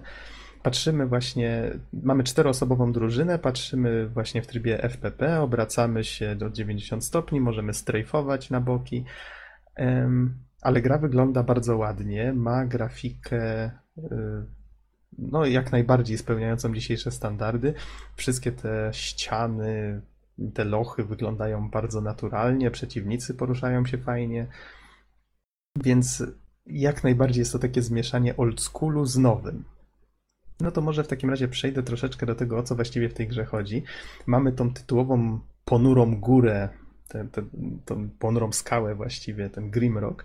Jest to taka jakby kamienna iglica, właściwie nikt nie wie, co tam w środku jest, ale w królestwie, w którym się dzieje akcja, mają jakiś taki zwyczaj, że wrzucają tam jakichś przestępców. No właściwie chcą o nich zapomnieć, więc ich tam wrzucają. Tuż przed wrzuceniem mówią, że o, wasze grzechy zostały odpuszczone, jeżeli się stamtąd wydostaniecie, to w sumie odzyskujecie wolność. Pach, wrzucają ich tam. Takim stateczkiem ich tam przywożą, który wygląda jak balon i w- czeluść Grimrocka ich wrzucają. No i tak właściwie zaczyna się przygoda naszej grupy. Mm, Czwórkę bohaterów można albo wykorzystać taką już wykreowaną przez twórców, albo można stworzyć ją sobie samemu. Ja akurat skorzystałem z tej opcji. Mamy cztery rasy i trzy profesje. Mamy ludzi, minotaurów, mm, jakichś takich jaszczuroludzi i jeszcze insektoidy. I zrobiono to w ten sposób, że minotaury to raczej tak mi się skojarzyły z jakimiś takimi byczkami, tankami, że tak to ujmę. Więc stworzyłem takiego wojownika, to jest pierwsza klasa, który przede wszystkim będzie miał dużo zdrowia, będzie miał dużo siły i będzie zadawał dużo obrażeń. Jeszcze troszeczkę się przydaje w zręczność na przykład dodać, żeby miał większą szansę trafienia, bo tutaj mimo wszystko to, że zadamy cios, wcale nie znaczy, że ten cios trafi cel. E, Kolejną klasą jest e, złodziej. Tutaj e, postać przede wszystkim warto ją rozwijać w taki sposób, żeby ona jak najlepiej unikała ciosów. I w tym przypadku to działa tak samo. Przeciwnik zadaje cios, ale on wcale nie musi trafić tej naszej postaci. I umieściłem sobie tą postać. Mamy taki, taką dwa rzędy właściwie mamy, czyli mamy dwie postacie z przodu, dwie postacie z tyłu. I w zależności od tego, jakie sobie ułożymy, tak te postacie, no teoretycznie są też ustawione w świecie gry, więc jeżeli coś nas zaatakuje na przykład od frontu, to wtedy narażone na cios są przede wszystkim postacie, które stoją z przodu. Jeżeli coś nas zaatakuje od tyłu, no to od tyłu i tak dalej. Mm, Z tym tylko, że jeżeli postacie stoją z tyłu, no to wiadomo, że nie mogą zaatakować na przykład bezpośrednio mieczem, no bo ktoś stoi przed nimi. Dlatego takim postaciom trzeba dawać na przykład, tak jak ja dałem swojemu złodziejowi, łuki, można dać mu też na przykład jakieś shurikeny czy noże do rzucania, tego typu rzeczy. Magowi na przykład, bo to jest ostatnia klasa, magowi można dać y, właściwie trzeba dawać jakieś różne różdżki do rzucania czarów, ale ja na przykład swojego uzbroiłem też, do dru w drugą rękę dałem mu włócznię, która pozwalała mu też z tego tylnego rzędu atakować. No mamy też tarcze i, i inne tego typu, tego typu rzeczy. E, I właśnie, co prawda są tam jakieś takie predefiniowane, predefiniowane kwestie, które twórcy zachęcają, żeby na przykład jako mag magiem, żeby był insektoid, żeby ci jaszczuro-ludzie byli złodziejami i tak dalej, ale myślę, że jakby ktoś chciał sobie stworzyć na przykład drużynę złożoną z samych magów, to mógłby jak najbardziej spróbować. E, powiedz mi, Noxie, Mhm. nie wiem, czy nie mówię, że to nie było mnie 5 minut. E, To, co mnie interesuje, bo na screenach nie widać postaci. Natomiast wiem, że drużyna jest iluś tam osobowa. Jak to jest rozwiązane? Właśnie Tak skończyłem. już właśnie stwierdziliśmy, może ja odpowiem na to pytanie. No proszę bardzo. Yy, Tak samo jak w oldschoolowych, starych yy, dungeon crawlerach pseudo 3D, widok jest z pierwszej osoby, yy, poruszamy się po szachownicy, natomiast sterujemy jakby całą drużyną naraz. To jest bardzo charakterystyczne także dla serii Might, Might and Magic. Też wtedy widok był... Czyli po prostu mamy jakby widok z kamery. A te postacie nasze są jakby mm, poza obszarem tej kamery, w którą widzimy, ale możemy używać ich wszystkich skilli, tak? To jest jakoś w tym sposób. Tak, polecam, żebyś kliknął właśnie w tego linka, który podałem. To jest dział media na oficjalnej stronie. Tam jak zobaczysz na screenach widać, że postacie są widoczne tylko na awatarach. I to może No przejdę to w- do... właśnie, właśnie widziałem te screeny i dlatego właśnie cię pytam. Bo, Mhm. To może przejdę w takim razie do... y, bo ma się wrażenie, że chodzi się jedną postacią, nie? Bo Aha. Y, Tak, tak, przez to, że jest FPP, to tak, no ale tak jak mówię, to jest część tego archaizmu, tego rozwiązania, ale to się bardzo dobrze sprawdza, bo faktycznie gra gracz- bardzo ładna na screenach, nie? Mhm. Tak, to fakt. Y, Już tutaj opowiedziałem o fabule, że postacie są wrzucone właśnie do tego lochu i teoretycznie głównym celem gry jest się z niego wydostać. Problem jest taki, że no, schodzimy coraz głębiej, więc jak się z lochu wydostać, schodząc coraz głębiej? No, w tym przypadku schodzimy od czubka góry na dół, więc mamy nadzieję, że znajdziemy jakieś wyjście.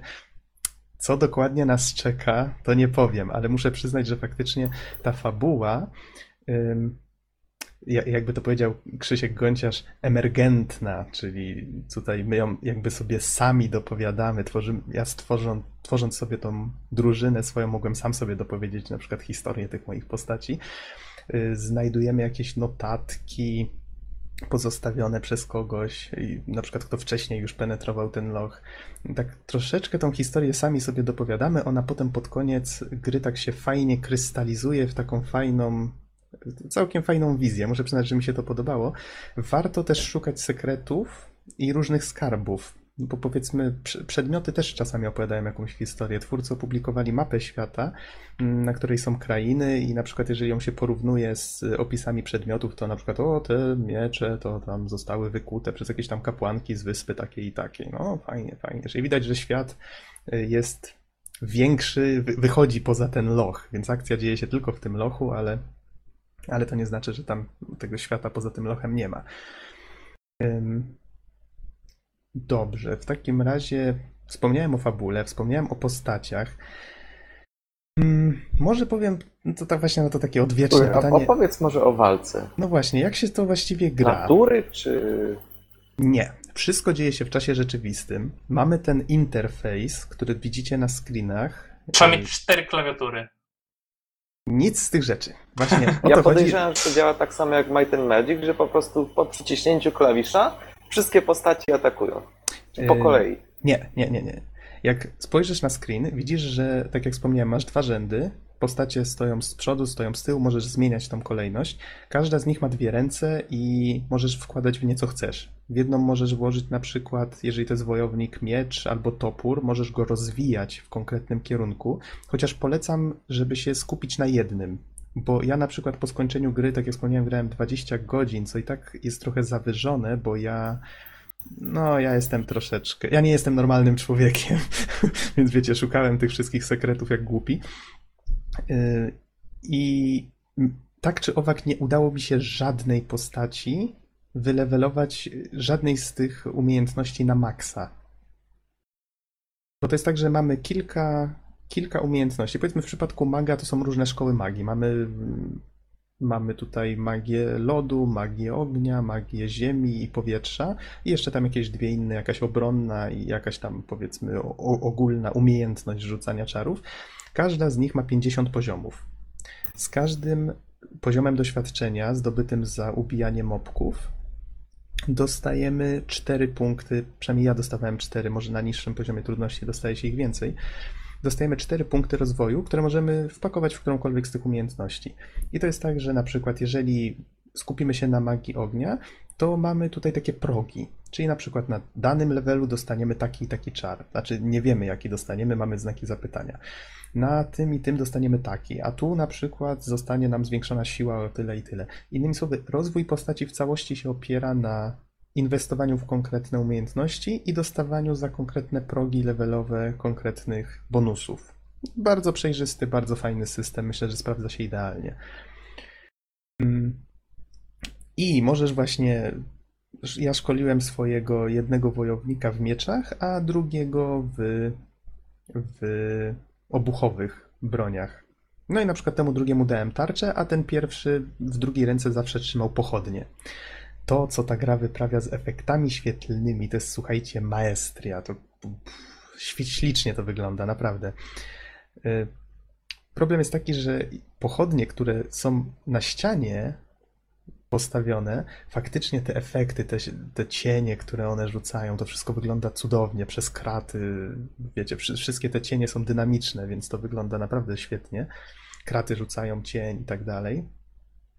Mm, jeżeli widzimy jakiegoś potwora, że tam powiedzmy przechodzi korytarzem, to często widzimy najpierw cień, więc robi to wrażenie dość często.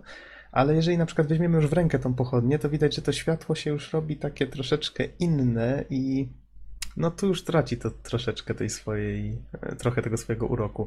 Y, światło można też rzucać na przykład magiczne, jeżeli nasz jeżeli mamy w drużynie maga, jeżeli on ma takie umiejętności. z pochodniami jeszcze jedna jest fajna rzecz, mianowicie one potrafią się skończyć. Więc jeżeli w pewnym momencie już ta pochodnia się wyczerpuje, no to światło zaczyna migać, a w pewnym momencie gaśnie. a ja słyszałem właśnie, że się nie robi wcale aż tak ciemno. Yy, najpierw robi się tak cholernie ciemno, że nie widzisz kompletnie nic. Ale potem czekasz parę sekund i oczy zaczynają się przyzwyczajać. Strasznie fajny efekt. Oczywiście nie radzę grać yy, przy jasnym oknie w środku dnia. I oczy zaczynają się przyzwyczajać, robi się coraz jaśniej i jest tak, wiesz, trochę, trochę tak niebiesko-ciemno na, na tej zasadzie. Czyli jakby widzisz, ale odległość, na jaką widzisz, jest dużo mniejsza i ogólnie jest ciemniej, tak wiesz, trochę mroczniej. I, i to, to jest bardzo fajna rzecz, która działa na klimat. Tak samo dźwięk. Jeżeli chodzisz, po, przede wszystkim grać w słuchawkach i dość głośno sobie ustawić. To jest jedna z najważniejszych rzeczy w tej grze. Po dźwięku rozpoznaje się połowę rzeczy w otoczeniu. To, czy gdzieś przechodzi jakiś za ścianą potwór na przykład, to łatwo wtedy rozpoznać, że za ścianą coś jest. A tu jest mnóstwo sekretów. W ścianach powiedzmy są jakieś przyciski, yy, gdzieś tam na przykład tu jest mnóstwo zagadek, które odsłaniają różne sekrety. Te zagadki są wymyślone po prostu genialnie. Na przykład y, czasami mają opis, czasami trzeba się czegoś domyślić. Było takie miejsce, gdzie na przykład trzeba było odpowiednio ułożyć pochodnie w jakichś y, stojakach i wtedy się coś otwierało. Y, były takie, gdzie trzeba, no oczywiście przyciski w podłogach odpowiednio poustawiać. Nie będę tutaj podawał konkretnych przykładów, bo ich po prostu już nie pamiętam przez ostatnie dwa miesiące, ale wiem, że nieraz miałem takie wrażenie, że wow, ale ta zagadka była taka prosta, ale świetnie satysfakcjonująca i i tak sprytnie wykorzystująca mechanikę. To jest bardzo fajne, bo tutaj możemy przedmiotem rzucić przed siebie, jeżeli go weźmiemy na przykład z ziemi albo z ekwipunku i, i na środek ekranu klikniemy, to wtedy go rzucamy, on tam leci przez trzy pola. Możemy położyć go przed pole przed sobą, czyli na przykład możemy, jeżeli nie wiemy co dany przycisk robi, możemy po prostu rzucić na niego kamień lub położyć, no i zobaczyć na przykład, czy tam jakaś kula ognia w nas nie poleci, czy, czy jakaś platforma się nie podniesie. Więc w, te, w ten sposób właśnie ta mechanika jest tu wykorzystana. Jest prosta, łatwo ją ogarnąć. Warto sobie tutaj przeczytać taki króciutki tutorial, który opisuje, jak się przekieruje, bo potem ta mechanika jest wykorzystywana przez całą grę, ale myślę, że ona jest wyczerpywana w taki bardzo fajny, satysfakcjonujący sposób. No i tak jak wspomniałem o dźwięku, wszystko właściwie, całe otoczenie. mm, Warto się orientować w otoczeniu właśnie za pomocą dźwięku. Co tu jeszcze? Co tu jeszcze ciekawego? O, wiecie, biorąc pod uwagę to, że można się właśnie błąkać po tych podziemiach po ciemku, z tym dźwiękiem po cichu, tutaj wiecie, siedzieć w tych słuchawkach, nagle wam wyskoczy jakiś potwór. Początkowo to się wydaje takie, no okej, idziemy sobie w podziemia, to jest gra, fajnie. Tylko problem jest taki, że ona ma strasznie monotonną w pewnym momencie oprawę. Y, Nie powiem, ile dokładnie razy zmienia się wygląd ścian, ale przez te 20 godzin człowiek praktycznie robi non-stop, wydaje się to samo. I sobie wyobraźcie, jak fajne muszą być te zagadki i ta walka, o której za chwilę jeszcze troszeczkę powiem, że przez te 20 godzin faktycznie, no. No nie odłożyłem tej gry, mimo że faktycznie ciągle patrzyłem na te same ściany. Słuchajcie, ta gra po prostu hipnotyzuje. Idziesz przed siebie i ściana, ściana, ściana. Boże, ciągle te same ściany, nie? Więc e, wow. I po prostu grasz i w pewnym momencie zdajesz sobie sprawę, że zaczynają cię ciarki przechodzić, nie? Wow, mój Boże, tutaj zaraz coś może czekać za rogiem, nie? Ale jak grasz 10 minut, powiedzmy, to nie ma szans na taki efekt. Po prostu musisz, y, musisz y, grać przez pewien czas, żeby wczuć się jakby w ten, w ten klimat, w tą izolację i no, nie boję się tego stwierdzenia, można się tu troszeczkę nabawić klaustrofobii. Więc myślę, że jeżeli ktoś y, ma klaustrofobię, to powinien bardzo ostrożnie do tej gry podchodzić. Ale to jest fajne. To jest fajne, mnie się to podobało. Mm, powiem więcej, jeżeli ktoś lubi jakieś takie hardkorowe, oldschoolowe wyzwania, gra daje takie możliwości jak na przykład wyłączenie zupełnie mapy. Ja z tego skorzystałem, to się nazywa Old School Mode. Na początku gry to włączasz i nie możesz jej włączyć już do końca gry. Musisz ją skończyć bez mapy. Wydało mi się to strasznie fajne, więc y, polecam. Jeżeli ktoś lubi, faktycznie warto spróbować. Rysowałeś sobie mapę? Nie, nie, po prostu starałem się zapamiętać. Wiesz, tak lubię czasem przetestować swoją umiejętność orientacji w przestrzeni. Tak, dla własnej satysfakcji. I, i faktycznie to, to działa. To działa. Te lochy są fajnie zaprojektowane, mają dużo takich miejsc, które no, może nie są charakterystyczne, ale jeżeli ktoś chciałby spróbować, e, spróbować właśnie swojego nosa, że tak to ujmę, to zdecydowanie warto. W ogóle w tej grze, słuchajcie, lizanie ścian to jest, nabiera tutaj zupełnie nowego znaczenia. Bo tutaj właściwie w każdym miejscu może być jakiś przycisk. One zazwyczaj są w tym samym miejscu umiejscowione, więc już w pewnym momencie nabiera się takiej wprawy, wie się, gdzie tych przycisków wypatrywać. Ale jak już się jakiś wypatrzy klik, naciskamy, wow, coś się otworzyło i tam wiecie, jakiś sekret, jakieś nowe potwory, jakaś skrzyneczka, jakaś, jakiś worek. E, Tego typu rzeczy można wziąć zresztą ze sobą, żeby sobie na przykład trochę powiększyć ekwipunek. Jak weźmiemy taką, taki worek, to mamy powiedzmy kilka dodatkowych pól. Każdy z przedmiotów coś waży, więc musimy brać pod uwagę to, ile ze sobą rzeczy bierzemy, bo na przykład nasza postać może więcej lub mniej dźwigać. Em, Takich przedmiotów, to co tam właściwie jest. Em, No tak jak wspomniałem, miecze, jakieś różne rodzaje pancerzy. Tutaj też trzeba brać pod uwagę wagę. Mamy jedzenie, bo postać, postacie robią się też głodne z czasem. Jak, jak chodzimy przed siebie, to spada im ten czynnik głodu. Mogę umrzeć z głodu? Hmm, Właśnie, czy ktoś tu może umrzeć? Ktoś tu może umrzeć. Możesz jak najbardziej umrzeć. Jeżeli cię jakiś potwór dopadnie, y, to naturalnie. Na, nie da się za to umrzeć. Znaczy nie, da się umrzeć spadając w jakiś dół, jeżeli masz mało energii. Ale nie ma tu czegoś takiego jak bezdenne przepaście. Jeżeli widzicie, że jest jakiś dół, ja na początku omijałem je na przykład, ale z czasem okazało się, że właściwie w tej grze nie da się spaść i zginąć tak po prostu, że zawsze gdzieś zlecisz. I zawsze znajdziesz powiedzmy jakiś teleport, który cię teleportuje z powrotem z po... piętro wyżej. Ale często się znajduje jakieś ciekawe rzeczy w tych, y, tych dołach, więc ogólnie rzecz biorąc, na początku omijałem jak ognia przepaści, a potem się wróciłem na sam początek gry, żeby zbadać wszystko, czy przypadkiem czegoś nie ominąłem, nie? Więc y, warto, warto spadać w doły i sprawdzać, co tam nas czeka. No czasem nieprzyjemne, czasem przyjemne niespodzianki. Czasem można zlecieć na jakiegoś potwora i go od razu w ten sposób uśmiercić. W przedmiotach. W przedmiotach jest jeszcze ważna alchemia. U mnie na przykład jeden wojownik dostał taki, ten, taki przyrząd, nie pamiętam co to już dokładnie było, do ścierania różnych tych ziół. Y, Tam bodajże były cztery albo pięć rodzajów. I tak samo jak z czarami, to jest bardzo fajne. Znajduje się zwoje.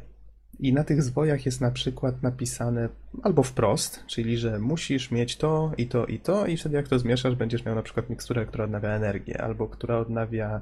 Yy, znaczy inaczej, która odnawia życie albo energię. Energia tutaj służy na przykład magowi jako mana, a wszystkim innym do zadawania w ogóle ciosów. Jeżeli Chociaż może inaczej, ciosy można zadawać, one mają jakiś swój cooldown, czyli trzeba powiedzmy poczekać kilka sekund, aż zadasz kolejny cios, ale jeżeli chcesz skorzystać z takich specjalnych umiejętności, które się właściwie losowo dobierają, czyli powiedzmy masz tam dziesiąty level miecza, odblokowujesz sobie jakiś tam cios, który się z jakąś tam szansą z jakąś tam szansą może on się zadać i wtedy postać sama go zada, tylko że musi mieć do tego odpowiednią ilość tej energii. Więc miksturki odnawiające tą HP, tą, tą energię są, y, są też inne i co fajne, te zwoje, one często zawierają jakieś zagadki, czyli na przykład trzeba zgadnąć, o jaki składnik właściwie chodzi. Tak samo podobnie właściwie jest z magią. Mag, żeby wyczarować jakikolwiek czar, ma takie 9 pól runicznych. To działa w ten sposób, że musimy najpierw zaznaczyć konkretne pola, a następnie nacisnąć czaruj. Jeżeli znamy wzór danego, y, danego czaru, no na przykład górny lewy jak naciśniemy, to mamy kulę ognia, jak górny prawy, to tam coś innego. Potem są coraz bardziej skomplikowane. Czarów nie jest dużo, ale sęk w tym, że no ciężko zgadnąć, co tak naprawdę trzeba nacisnąć, żeby jakiś czar taki wyczarować, którego nie znamy. A musimy znaleźć na przykład jakiś wzór. Z czasem się zorientowałem, że coś długo nie dostaje żadnych zwojów, więc zacząłem je sobie przeglądać i się okazało, że można rozpoznać pewien schemat.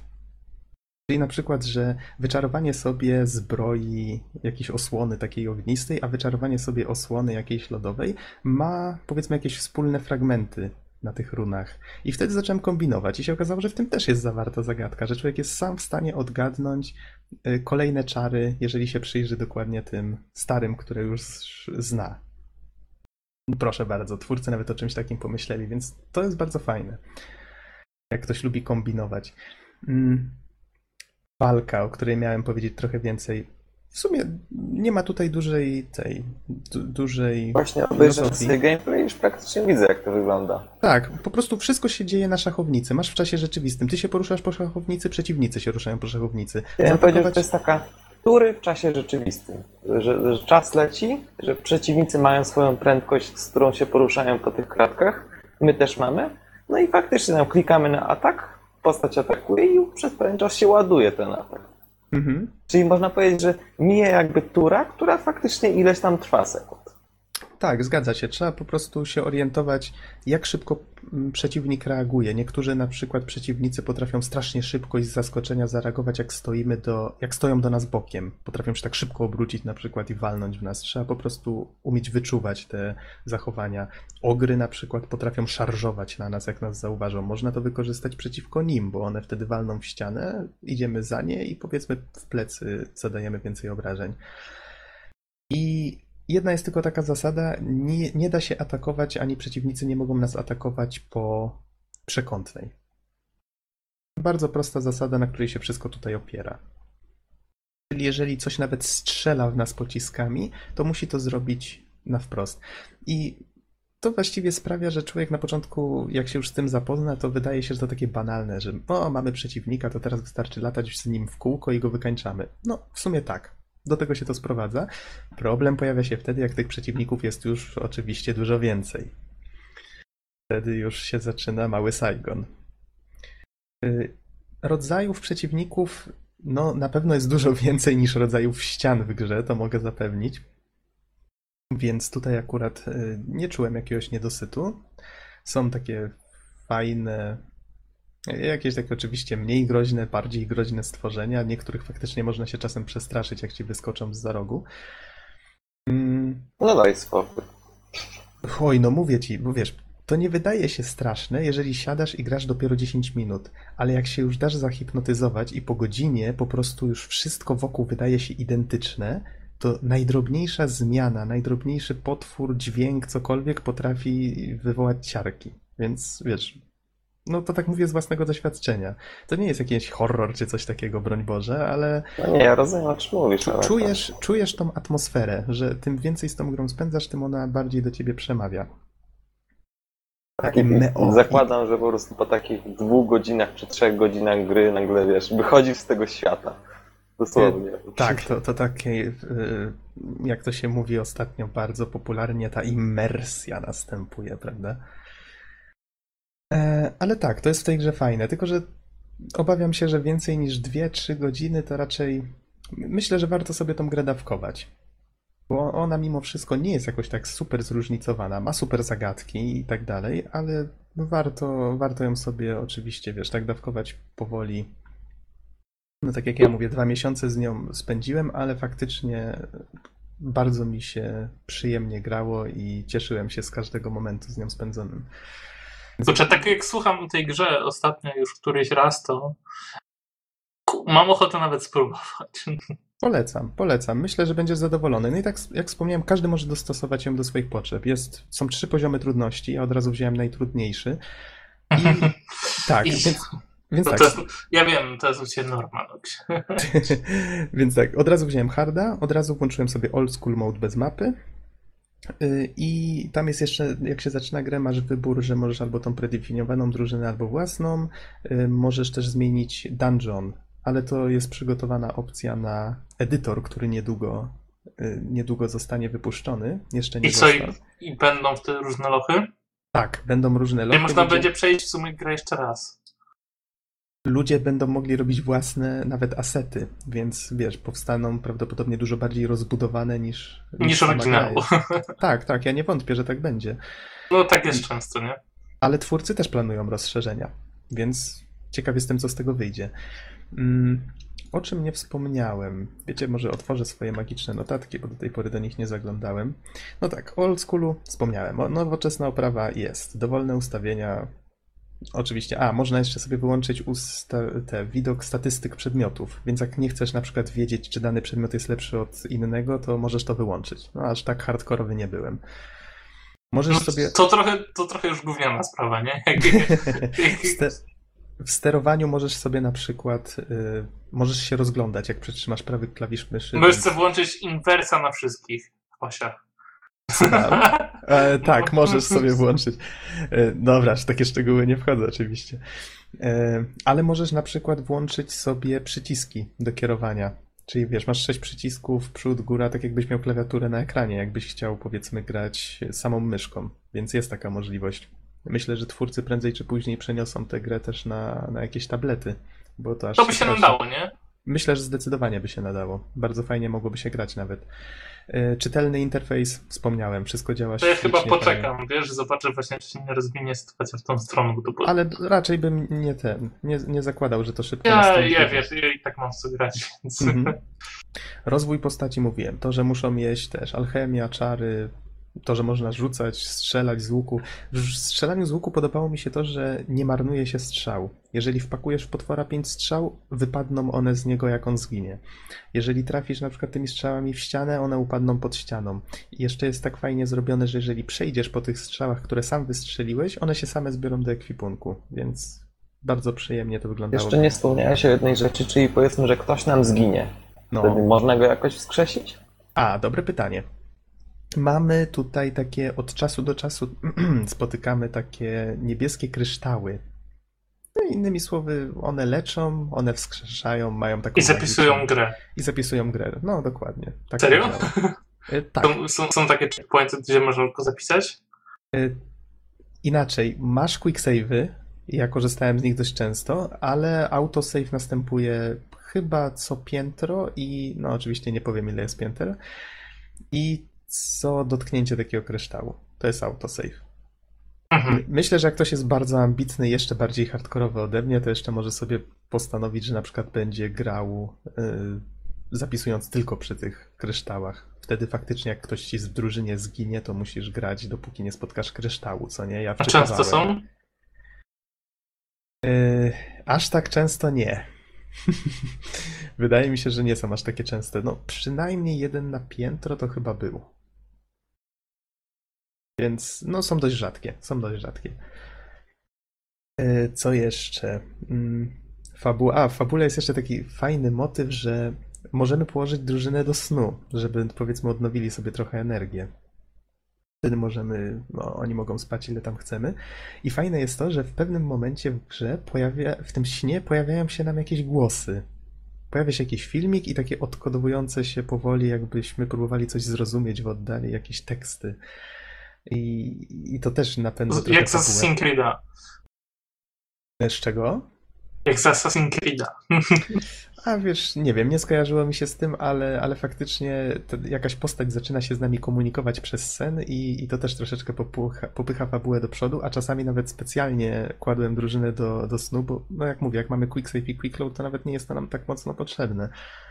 Mm, żeby zobaczyć, czy faktycznie jakaś nowa wiadomość tam na mnie nie czeka, nie?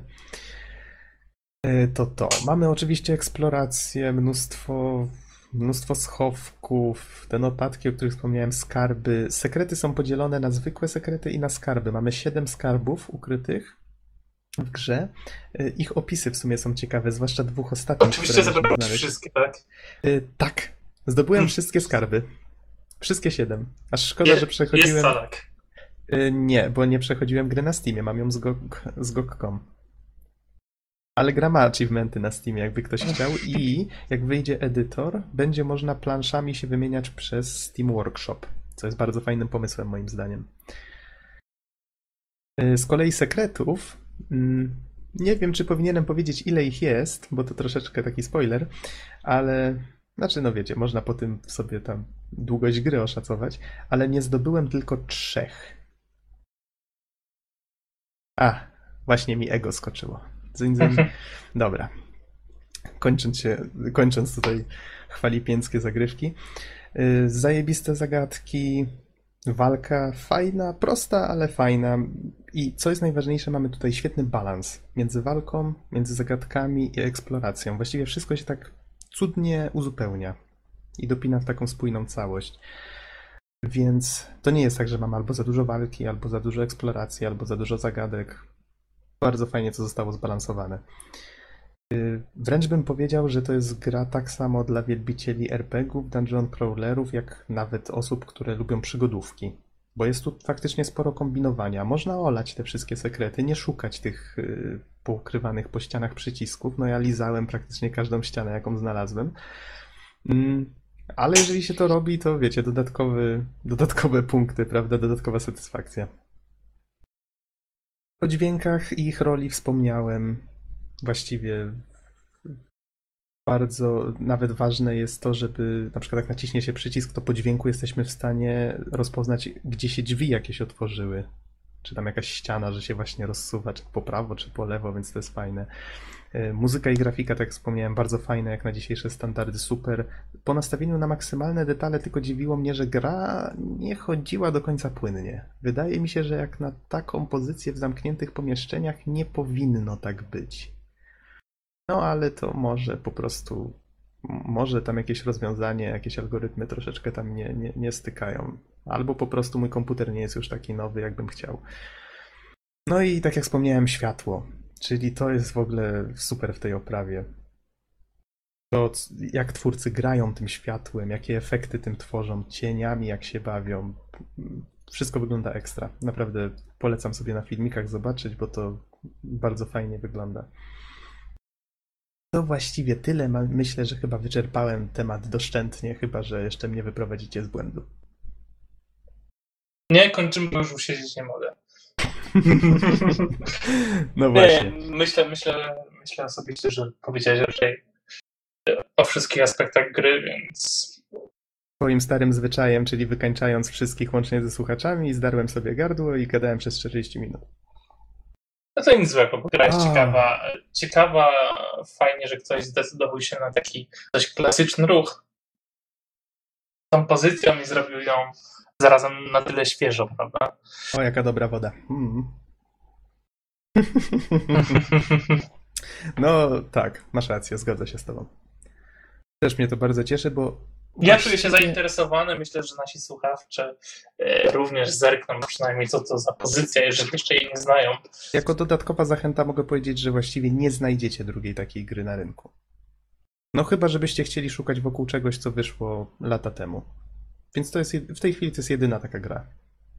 Więc jeżeli po prostu pasuje wam to, o czym powiedziałem, I chcecie iść śladami Noxa bez mapy, polecam, polecam. Zabawa jest na pewno bardziej. em, no, na pewno dodatkowy dreszczyk emocji jest. Okej, skoro nie ma więcej pytań, panowie, to myślę, że możemy spokojnie kończyć. No proszę, jak nam się fajnie dzisiaj rozmawiało. Nie spodziewałem się, że będziemy mieli aż tyle tematów. Jeszcze się okaże, że za tydzień w ogóle nie będziemy mieli o czym mówić przez to. Ale Norbert do nas dołączy, więc myślę, że. Mam nadzieję, że dołączy. I więc... Wiesz, ja jestem w domu najbliższy tydzień, więc A, no to super. już, już, już skończyłem dwie części Wallace'a i, i Gromita, takiej, takiej przygodówki od Telltale's Games, Mhm. więc już mam, już mam coś, tak na dobry początek. No to ekstra. Norbert, jak wróci, zobaczymy. Nie wiem, czy on po podróży będzie miał jakiś temat do omówienia, ale zobaczymy. Pewnie wziął ze sobą 3DS-a, więc nie wątpię, że coś tam No, na miał. pewno. No to spoko. Okej, dziękujemy Wam za słuchanie, że wytrzymaliście z nami tyle czasu. Mamy nadzieję, że Was zachęciliśmy do którejś z tych gier i do usłyszenia w następnym podcaście. Trzymajcie się. Trzymajcie się, na razie.